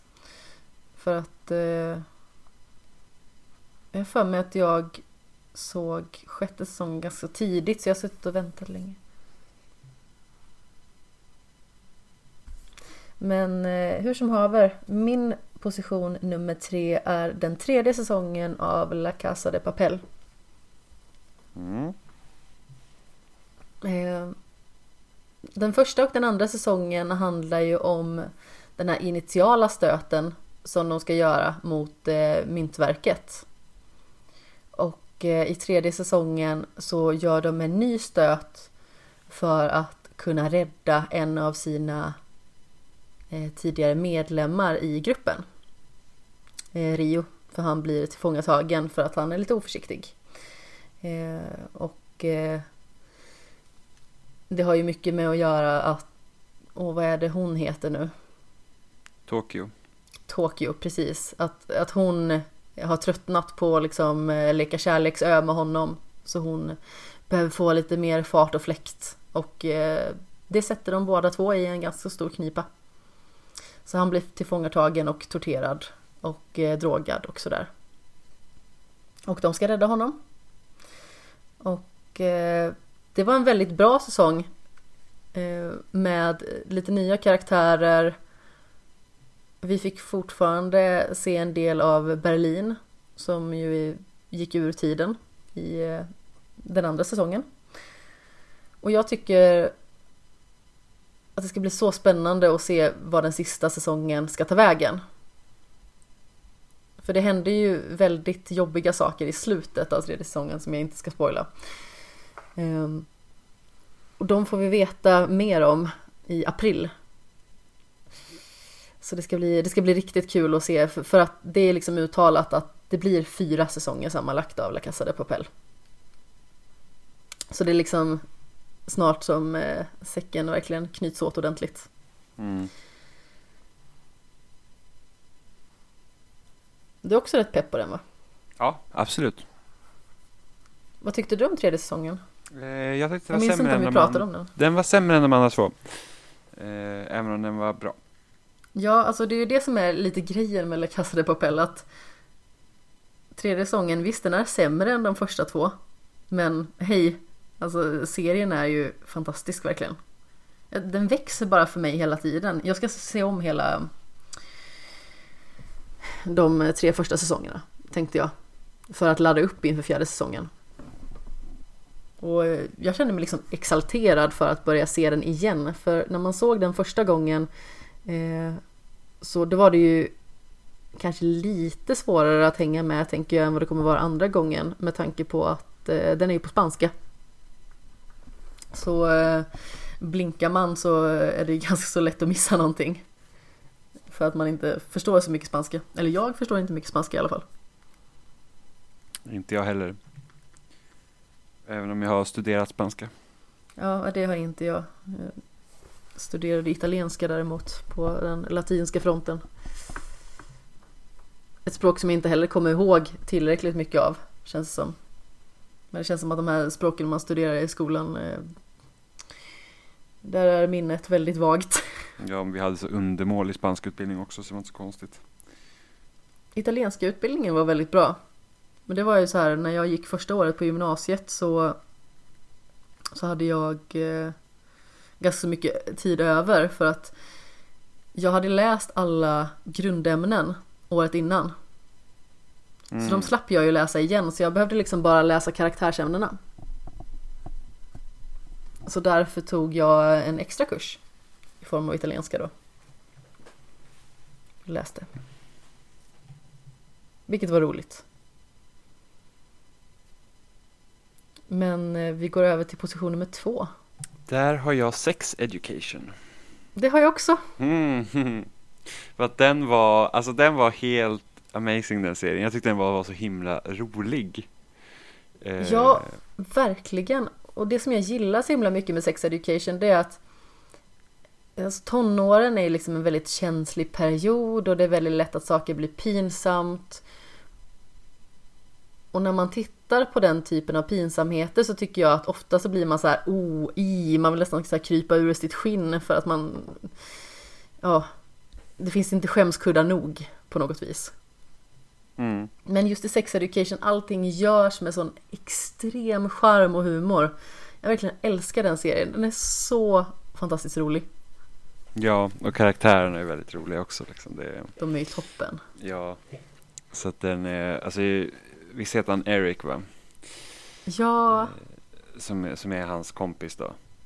Eh, men precis. Som är också homosexuell. Så att det, det är liksom Alltså minerna han gör och liksom där, hur han spelar och kommenterar de olika grejerna. Det är så himla kul. han är så uttrycksfull hela tiden. Mm. Verkligen. Så det, det var verkligen en, en kul att, att se den serien alltså. Ja, och grejen är ju den att Sex Education hade kunnat bli lite satt i samma så här antagonistsäte som Euphoria.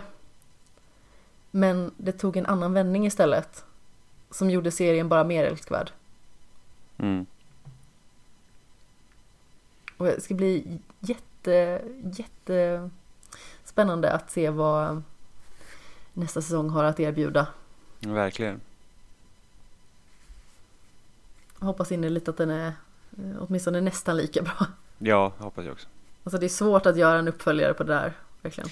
Ja, men det är ju det och sen så blir det inte Jag tycker andra säsongen brukar sällan träffa lika bra Jag vet att Nej, många som inte håller med. Jag brukar alltid gilla första säsongen bäst För att det är så här, då är det nytt, man får liksom lära känna allting Det är roligast Men eh, Men precis när man etablerar Men jag vet ju att det är mång, många tycker typ säsong två och tre i serier ofta är bäst för att det då har man liksom, då har de lärt sig karaktärerna och de har liksom kommit in i liksom the groove att skriva karaktärerna och, och skådespelarna spelar dem liksom så att eh, många brukar tycka typ att säsong två är bäst. Ja, jag är nog med på din sida där faktiskt. Naturligtvis från fall till fall. Men Jo, givetvis.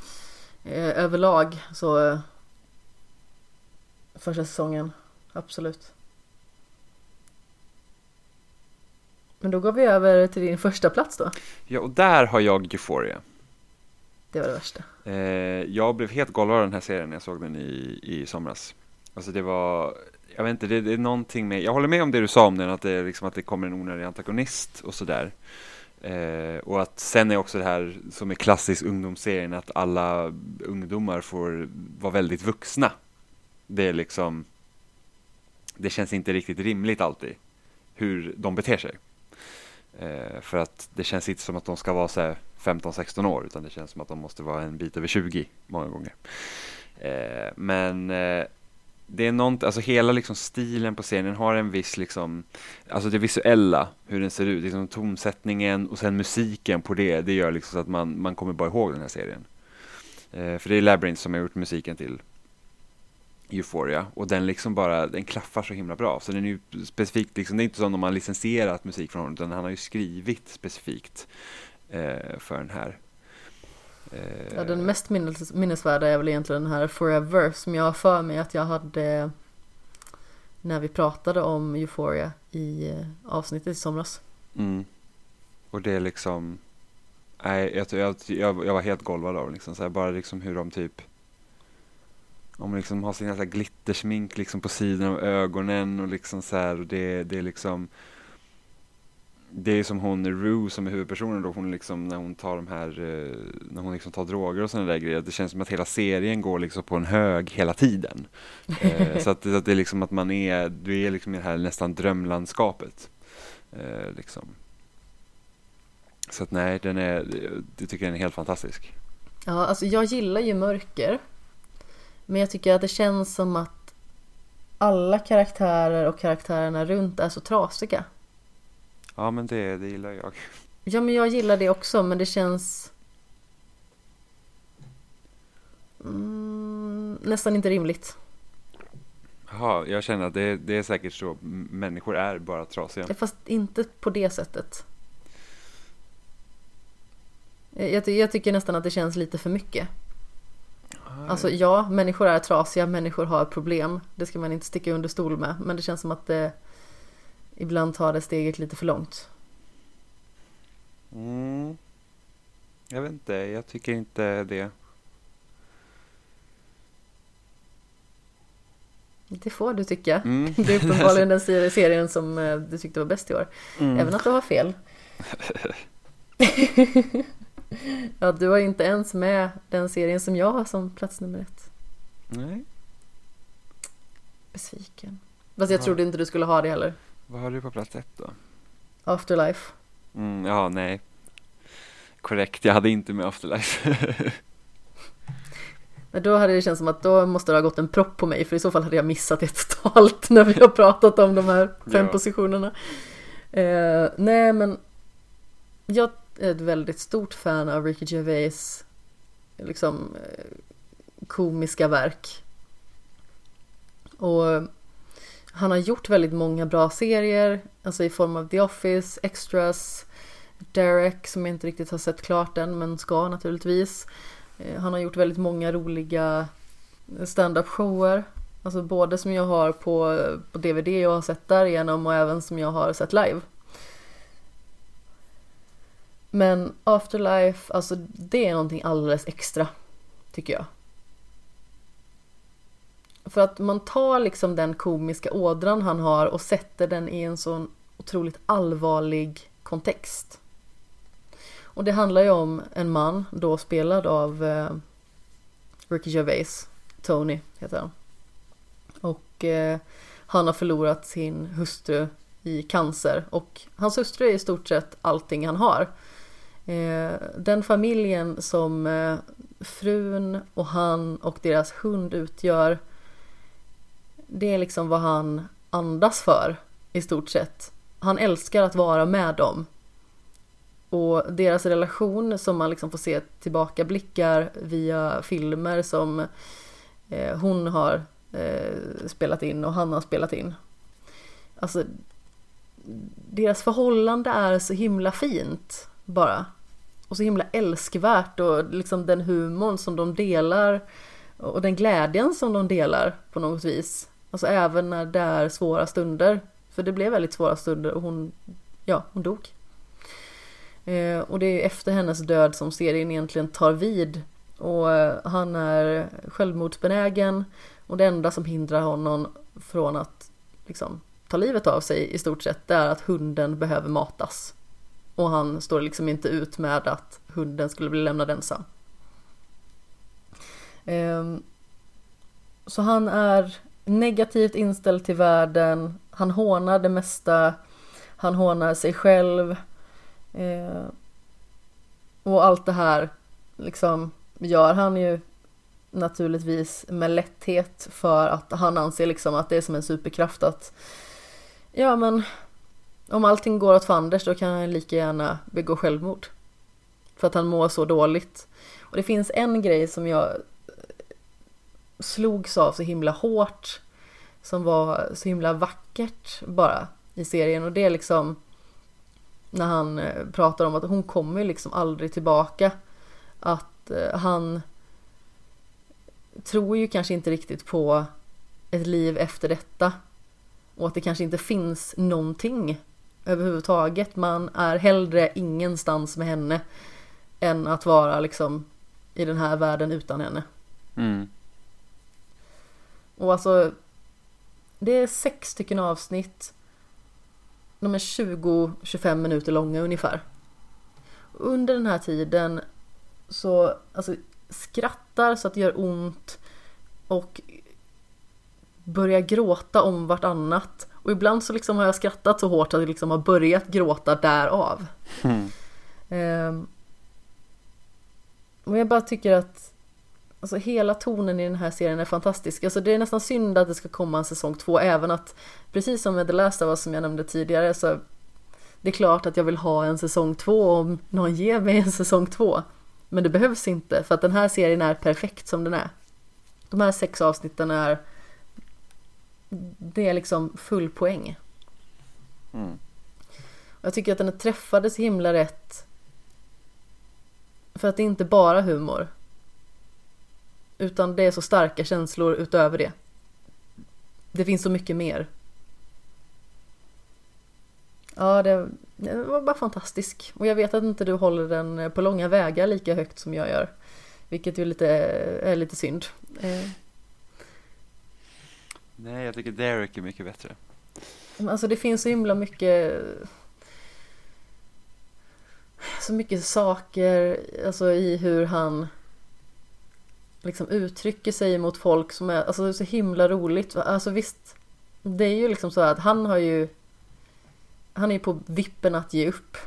Mm. Han bryr sig liksom inte vad folk tycker om honom, om honom överhuvudtaget. Eh, men en grej liksom som är så himla rolig till exempel, det är de är på liksom den här eh, lokaltidningen som han skriver för. Som han liksom bara, det här är en döende skitblaska, vad är meningen med den här egentligen?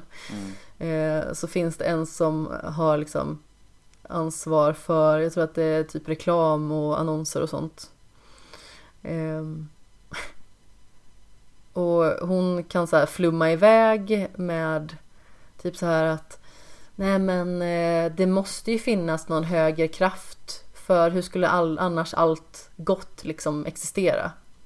Mm. Och ibland så börjar hon prata om drömtydning och just när hon börjar prata om det när hon har drömt någon så skumdröm så säger han eh, Jag tror att det var Freud eller Jung som sa att om du drömmer en konstig dröm och måste berätta om den då är du förbannat jävla tråkig. och, och, det är så himla roligt. Och den här karaktären eh, som eh, den här flummiga karaktären. Jag har alltså extremt svårt för henne så jag tycker det är så himla roligt när han sätter henne på plats med sina liksom mer alltså, realistiska saker. Liksom så här att varför skulle en gud finnas? Alltså i synnerhet liksom jag kan verkligen köpa den aspekten när hon börjar lalla om åh det finns himla mycket goda ting, det måste vara Gud som har skapat det. Och jag förstår mm. ju liksom att det han måste sitta och tänka där att ja men om det finns en gud varför dog min fru? Mm. Varför dog den och, eh, som, lämna, eh, liksom, som jag älskade mest i hela världen och lämnade mig till nästan ingenting. Mm. Uh, alltså, det är en underbar serie verkligen. Många skratt, många gråt. Över på ungefär strax under tre timmar. Mm.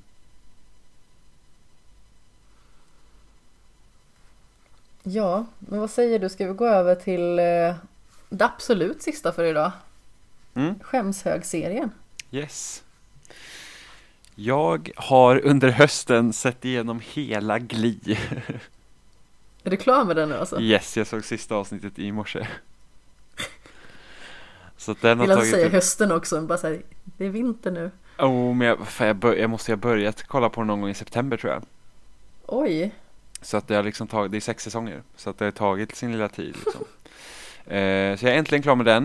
Eh, för det var ju en sån serie, när den kom 2009 Alltså jag blev helt, alltså jag bara tyckte den var så himla bra, kommer jag ihåg. Alltså när jag såg första avsnittet, jag bara den är så rolig liksom. Det är liksom också det här att typ high school-serie, musikal och liksom alla karaktärer har liksom sina egna egenheter liksom. Eh, men det märks ju också varför den tappade ganska kraftigt i, eh, i tittarantal. Eh, för att efter tredje säsongen sen så är det vissa av karaktärerna de liksom går ju ur high school då, så att säga och börjar på college. Och då lyckas den liksom inte hitta riktigt foten vad den ska, för den följer med dem även ut så att man liksom får se när de åker till New York och liksom går där på college och sådana grejer men de är ändå kvar liksom i skolan också. Så vilket gör att serien känns väldigt uppdelad helt plötsligt. Du har liksom du har det att de fortfarande lallar liksom kvar i high school så serien liksom känns fortfarande på samma sätt som den gjorde innan. Men sen har du också karaktärer som ska bli vuxna. Så att det liksom, den kontrasten funkar inte riktigt. Eh, och det märks också att de inte riktigt vet hur de ska gå vidare. där. För sen i säsong fem då kör de liksom hälften hälften. Så att då är det första halvan är liksom, då är de kvar i skolan. Sen andra halvan då är de bara ute i, i New York. Och då försvinner en hel rad karaktärer också som man har fått följa i två säsonger som, som introducerades i säsong fyra. Som var nya. Så de bara liksom, de får man inte se liksom mer. Och sen i säsong sex då är liksom alla tillbaks igen i high school för att då är liksom, där har det liksom gått snett för dem så nu ska de liksom hjälpa till och köra igång den här kören liksom i skolan så de blir typ som lärare och det känns liksom att helt plötsligt så backar de också i den karaktärsutvecklingen som de har liksom lagt upp. Eh, så det gör att serien svajar lite, andra halvan av den. Även om den fortfarande är bra. Okay. Eh, och sen hade de ju otur också att en av eh, som hade huvudrollerna dog efter säsong tre. Eh, I en överdos. Så att det liksom, då fick de ju ändra massa grejer också som jag hade tänkt. Och det var så himla tråkigt för att den karaktären, de hade lagt upp så himla bra för den. Så att det liksom var en väldigt spännande väg den, den skulle få gå. Eh, så att de hade lite sådana problem också med den. Men det var äntligen en serie som jag sett klart. Den fanns på Netflix för ett par år sedan. Och då hade jag lagt den i min lista, bara den där ska jag se och sen försvann den. Så jag fick passa på nu när den kom tillbaka. Ja. Jag har ju inte sett nästan någonting av den. Det har bara så här smugit sig förbi förbifarten i stort sett. Ja, jag skulle ändå inte säga att det är ingen serie man behöver se. Okej. Egentligen. Alltså det är inte så att jag säger att åh, du måste se Glee, utan det är så att jag ville se klart den för att jag kommer ihåg att jag gillade den verkligen jättemycket när jag började. Man kan se kanske de två, tre första säsongerna. Det räcker också. Men alltså, även första avsnittet är väldigt roligt så får man ganska bara en liten pejl på liksom hur, hur det ligger till. Men det är ingen serie egentligen man måste se. Nej, Jag kommer garanterat inte se den. Oj, så hårt. Nej men alltså jag, jag, vet, jag vet inte. Jag, jag Nej, tror inte att Men jag det, kommer det, att det eh, behövs, tilltalas det, av den. det, men det behövs liksom inte. Man behöver inte se den här serien. Den är liksom inte, den är inte så bra. Så att man liksom bara, att man måste, det finns så mycket bra att se att det är liksom inte Glee man ska stanna vid liksom. Men alltså, nu lät jag kanske lite hård men eh, eh, Ja men det känns liksom inte riktigt som att eh, det finns tid för den. Eller intresse. Alltså naturligtvis så eh, när det är en serie som du gillar så känner man så här, ja men den har man väl kunnat se. Men eh, man ska aldrig säga aldrig för man vet ju aldrig helt plötsligt så har jag se, sett någonting som jag aldrig hade tänkt att jag skulle se. Mm. Lite som min skämshögs-serie faktiskt. Alltså det finns ju skämshögs-serier som... Eh, ja, alltså de känns väl kanske lite mer tippade ändå på något vis. Eh, vi har ju exempelvis alltså La Casa de Papel som jag såg i somras. Som du också såg i somras. Och Mm. den var en väldigt bra kandidat, kandidat liksom hela den här serien till liksom årets skämshögs serie. Och även eh, amerikanska The Office låg bra till. För det var också en sån serie som jag kände att men om, om den fångar mig så kommer jag tycka om den eh, säkerligen. Men eh, jag förväntade mig kanske inte att tycka om den så mycket som jag gjorde. Men eh, serien som jag har valt det är Lost. Oh, Ja. Tänkte att du skulle bli lite halvglad. Ja, den är snart slut. Och den är snart slut. Vi har tre avsnitt kvar bara. Ja. Men grejen med Lost var ju att det var ju en serie som jag absolut aldrig hade kunnat tänka mig att jag skulle se. Inte på något vis för att jag tänkte att åh, det är säkert en dålig serie. Utan mm, det känns som att den lite grann var ett barn av sin tid. Och som att eh, jag missade tåget på något vis. Helt och hållet. Och att det kanske inte riktigt var en serie som jag behövde se. Men jag eh, började ju se den med dig. Mm. Och även att, alltså den har ju sina skavanker, helt klart. Eh, det finns lite ologiska grejer här och där och eh, den spårar lite grann, effekterna är ganska så fula. Ja, effekterna är ju grymt fula, men det är också, Ja, Men som sagt, lite där en barn av sin tid, eh, en barn, ett barn av sin tid. En barn av sitt tid. Ehm, herregud. Den blir jag fnissig. Nej men alltså, just effekterna, alltså, serien är ju, vad är den, 15 år gammal? ja, men de var redan fula då. Ja, Okej, det kanske de var. Ja, det var, alltså, det var alltid så här, typ på forum och sådana grejer, de bara det ser så fult ut. Ja, ja, jo men det kan jag i och för sig eh, tänka mig om man tänker på att Sagan om ringen kom först. Mm. Så hej. Ehm. Men det är väldigt mycket så här karaktärerna gör ju att man stannar kvar vid serien på något vis. I och med Ja. att inte jag har det här vecka till vecka, vad ska hända, det blir cliffhangers i slutet av säsongen. Då blir inte mysteriet lika centralt för mig utan det är karaktärerna som blir mer centrala. Ja, jo, och det är ju bättre att se den på det här sättet också. För att ibland var det så att man såg det vecka till vecka, det var så att nu händer det ingenting liksom. De har inte rört sig framåt en enda dugg liksom. Nej, framförallt i sista säsongen så går de väldigt mycket fram och tillbaka. Ja, men sista säsongen tycker jag också är den sämsta. Okej, Men eh, jag kan inte... vilken säsong tycker du är bäst? Eh, jag brukade säga tre. Jag tror att det är nog första säsongen jag håller högst ändå. Okej, Jag tycker typ att alltså, pilotavsnittet är typ ett av de bästa avsnitten i hela serien. Alltså För mig flyter avsnittet. allting ihop så himla mycket i och med att jag har sett det i en ganska så stor klump ändå. Jag förstår det, men det är typ första säsongen, alltså då är det så att då har de precis kraschat, andra säsongen är luckan, tredje säsongen då är de ju liksom hos de andra, fjärde säsongen det är då de ska ta sig av från ön, eh, Ja. femte säsongen är de reser i tiden och Ja. sjätte säsongen är liksom avslutningen. Ja men precis. Nej men alltså det är en serie jag aldrig trodde jag skulle se. I ärlighetens namn. Som sagt, jag tror att det var i första avsnittet om skämshögen så säger jag till eh, Tobbe Fix att eh, den kommer jag aldrig se. Tji fick du! det inte. ja, jag vet inte om det var på så vis utan det var ju en glad överraskning kan man väl lugnt säga.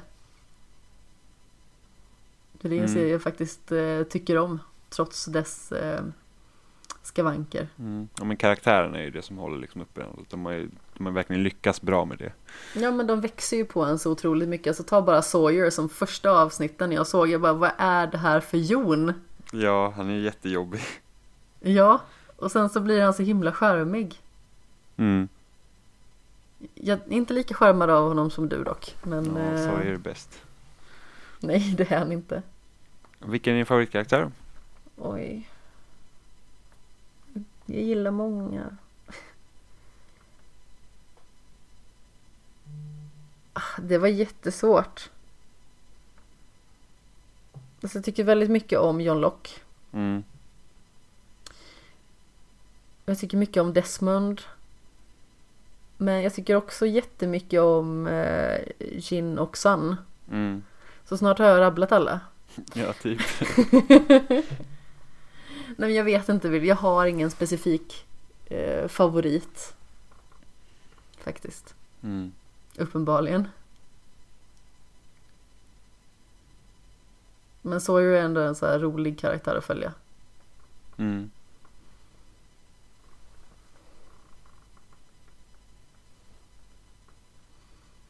Ja, men det var väl allt vi hade egentligen. Ja, Det var 2019 det. ja, det var det. Avklarat i eh, ett nafs. Eller ja, ett nafs. Typ tre timmar. Ja, i vanlig ordning. Ja. ja. Absolut. Ja, men det här var ett ganska så kort avsnitt. Jag trodde vår standard var fyra timmar. Åh gud. Nej. Men det var väldigt roligt när vi faktiskt överskred eh, fyra timmar.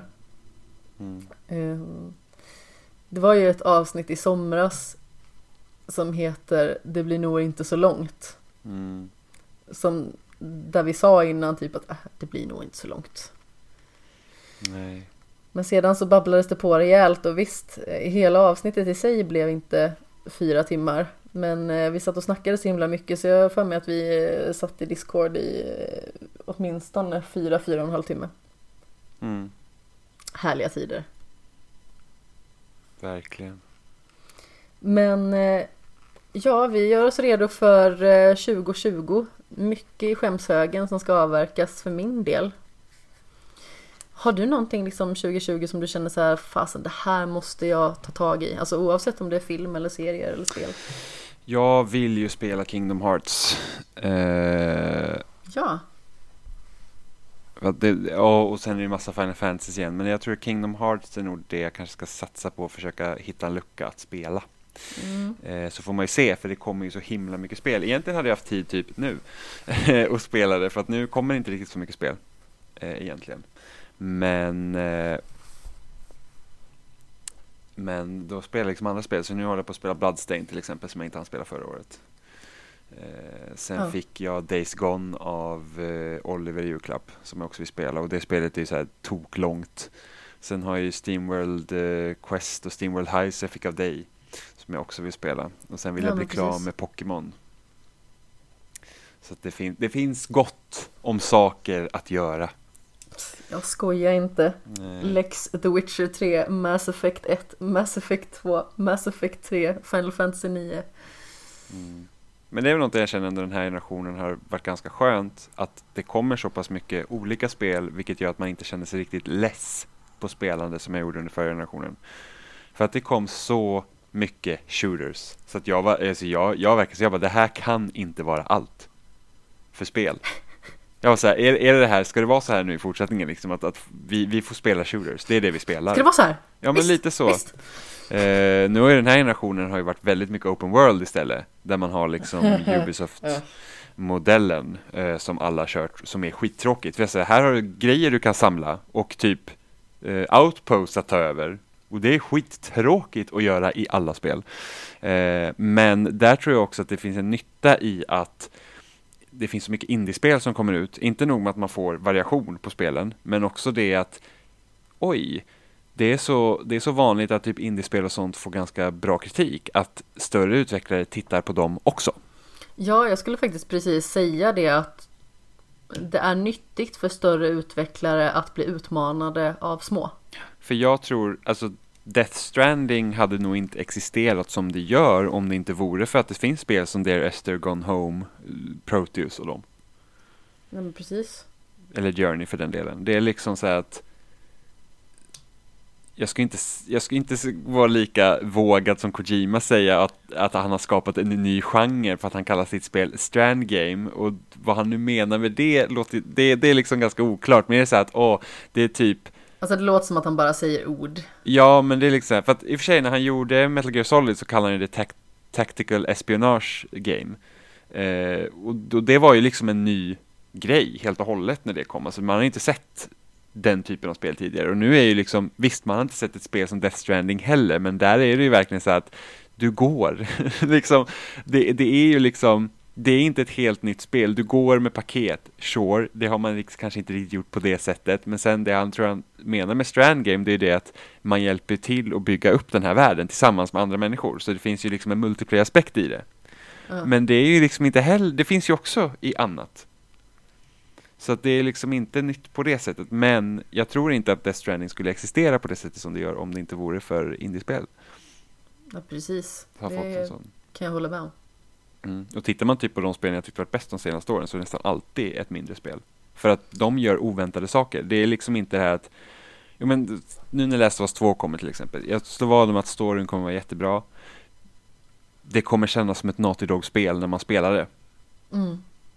Och det är liksom Och storyn kommer man långt med. Det är liksom Det är det man kommer komma ihåg sen när året är slut. Så är det vad man, vad man har varit med om för story om det liksom inte är något exceptionellt gameplay-mässigt äh, spel man har spelat liksom. Typ som Ja men när jag tyckte typ Super Meat Boy var bäst så är inte det för storyns skull utan då är det för att det känns så jäkla bra att spela. När jag sätter Superhot högst upp så är ju inte det för att Superhot har världens bästa story utan det är för att det gameplayet är amazing. Men mm samtidigt så att när jag tänker på Witcher 3 så tänker inte jag på att åh vad kul det var att slåss mot monster utan det var ju bara för att de här små berättelserna finns i spelet det är ju liksom fantastiskt. Ja. När jag tänker på Bioshock Infinite så tänker inte jag liksom på att åh det var så himla kul att slåss mot de här Handyman. Det var inte det. Eh, Nej, det var är ju inte kul att skjuta i Bioshock Infinite. Nej, så att det, det är lite så här. Det är ju liksom en vågskål vad, vad man liksom vad det är som klaffar. Eh, ta ett spel som Night in the Woods till exempel. Det är ju liksom Det är ett helt fantastiskt spel. Det är jättefint. Ja. Och då det är ju inte på grund av att åh, det är liksom världens bästa gameplay liksom, men det är engagerande.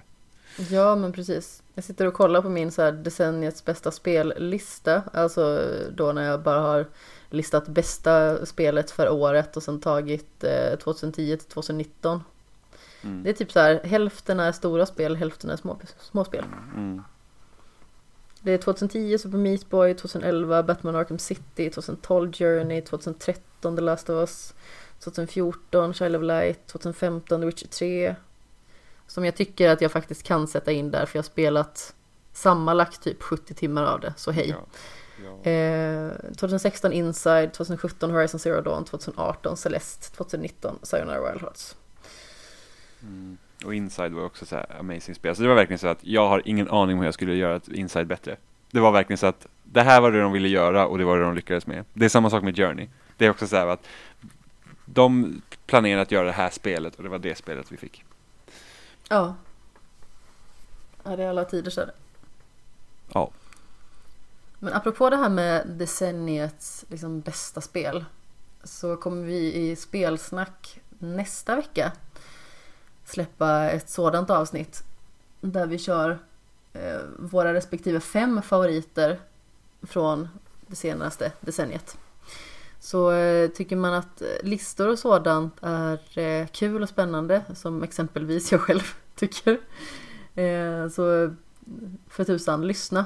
Och vi har ju även liksom eh, precis släppt ett eh, årets bästa spel som kom för typ Två veckor sedan. två veckor sedan. Och sedan så imorgon så släpps förmodligen eh, spelmusikavsnittet så vi pratar om eh, liksom diverse musik ur eh, spelen som släppts under 2019. Ja, Det ska du få eh, redigera. yes, det tar typ 7-8 timmar. Härliga tider. Och jag ska också sätta mig och redigera, fast typ nu. Jag ska Så, redigera Det här avsnittet kommer ut idag. Ja. Ja, men vad fint. Men eh, spelsnack är ju nämnt. Vart hittar man dig mer för någonstans? jag skriver om spel på loading.se och Ja. jag twittrar sporadiskt på Seppala13. Precis. Eh, och vill man eh, läsa och eh, höra mig mer så är det precis samma sak där. Det är ju loading och det är spelsnack och eh, jag finns ju på sociala medier i form av snabel av kapten Sten. Sten med två E. Måste säga det, det känns som att det hör till. Mm. Men eh, ja, vi är redo för eh, 2020. Eh, Låter helt galet i mina öron, verkligen. Spännande. Jättespännande. Det, jag tror att det kommer bli ett eh, riktigt toppenår faktiskt. Ja, det hoppas jag också. Ja. Förra året blev verkligen ett riktigt eh, bra år. Ja, det blev det. Men eh, ja, det här 36 avsnittet Mm, av 36, det Skämshögen. tycker jag var bra.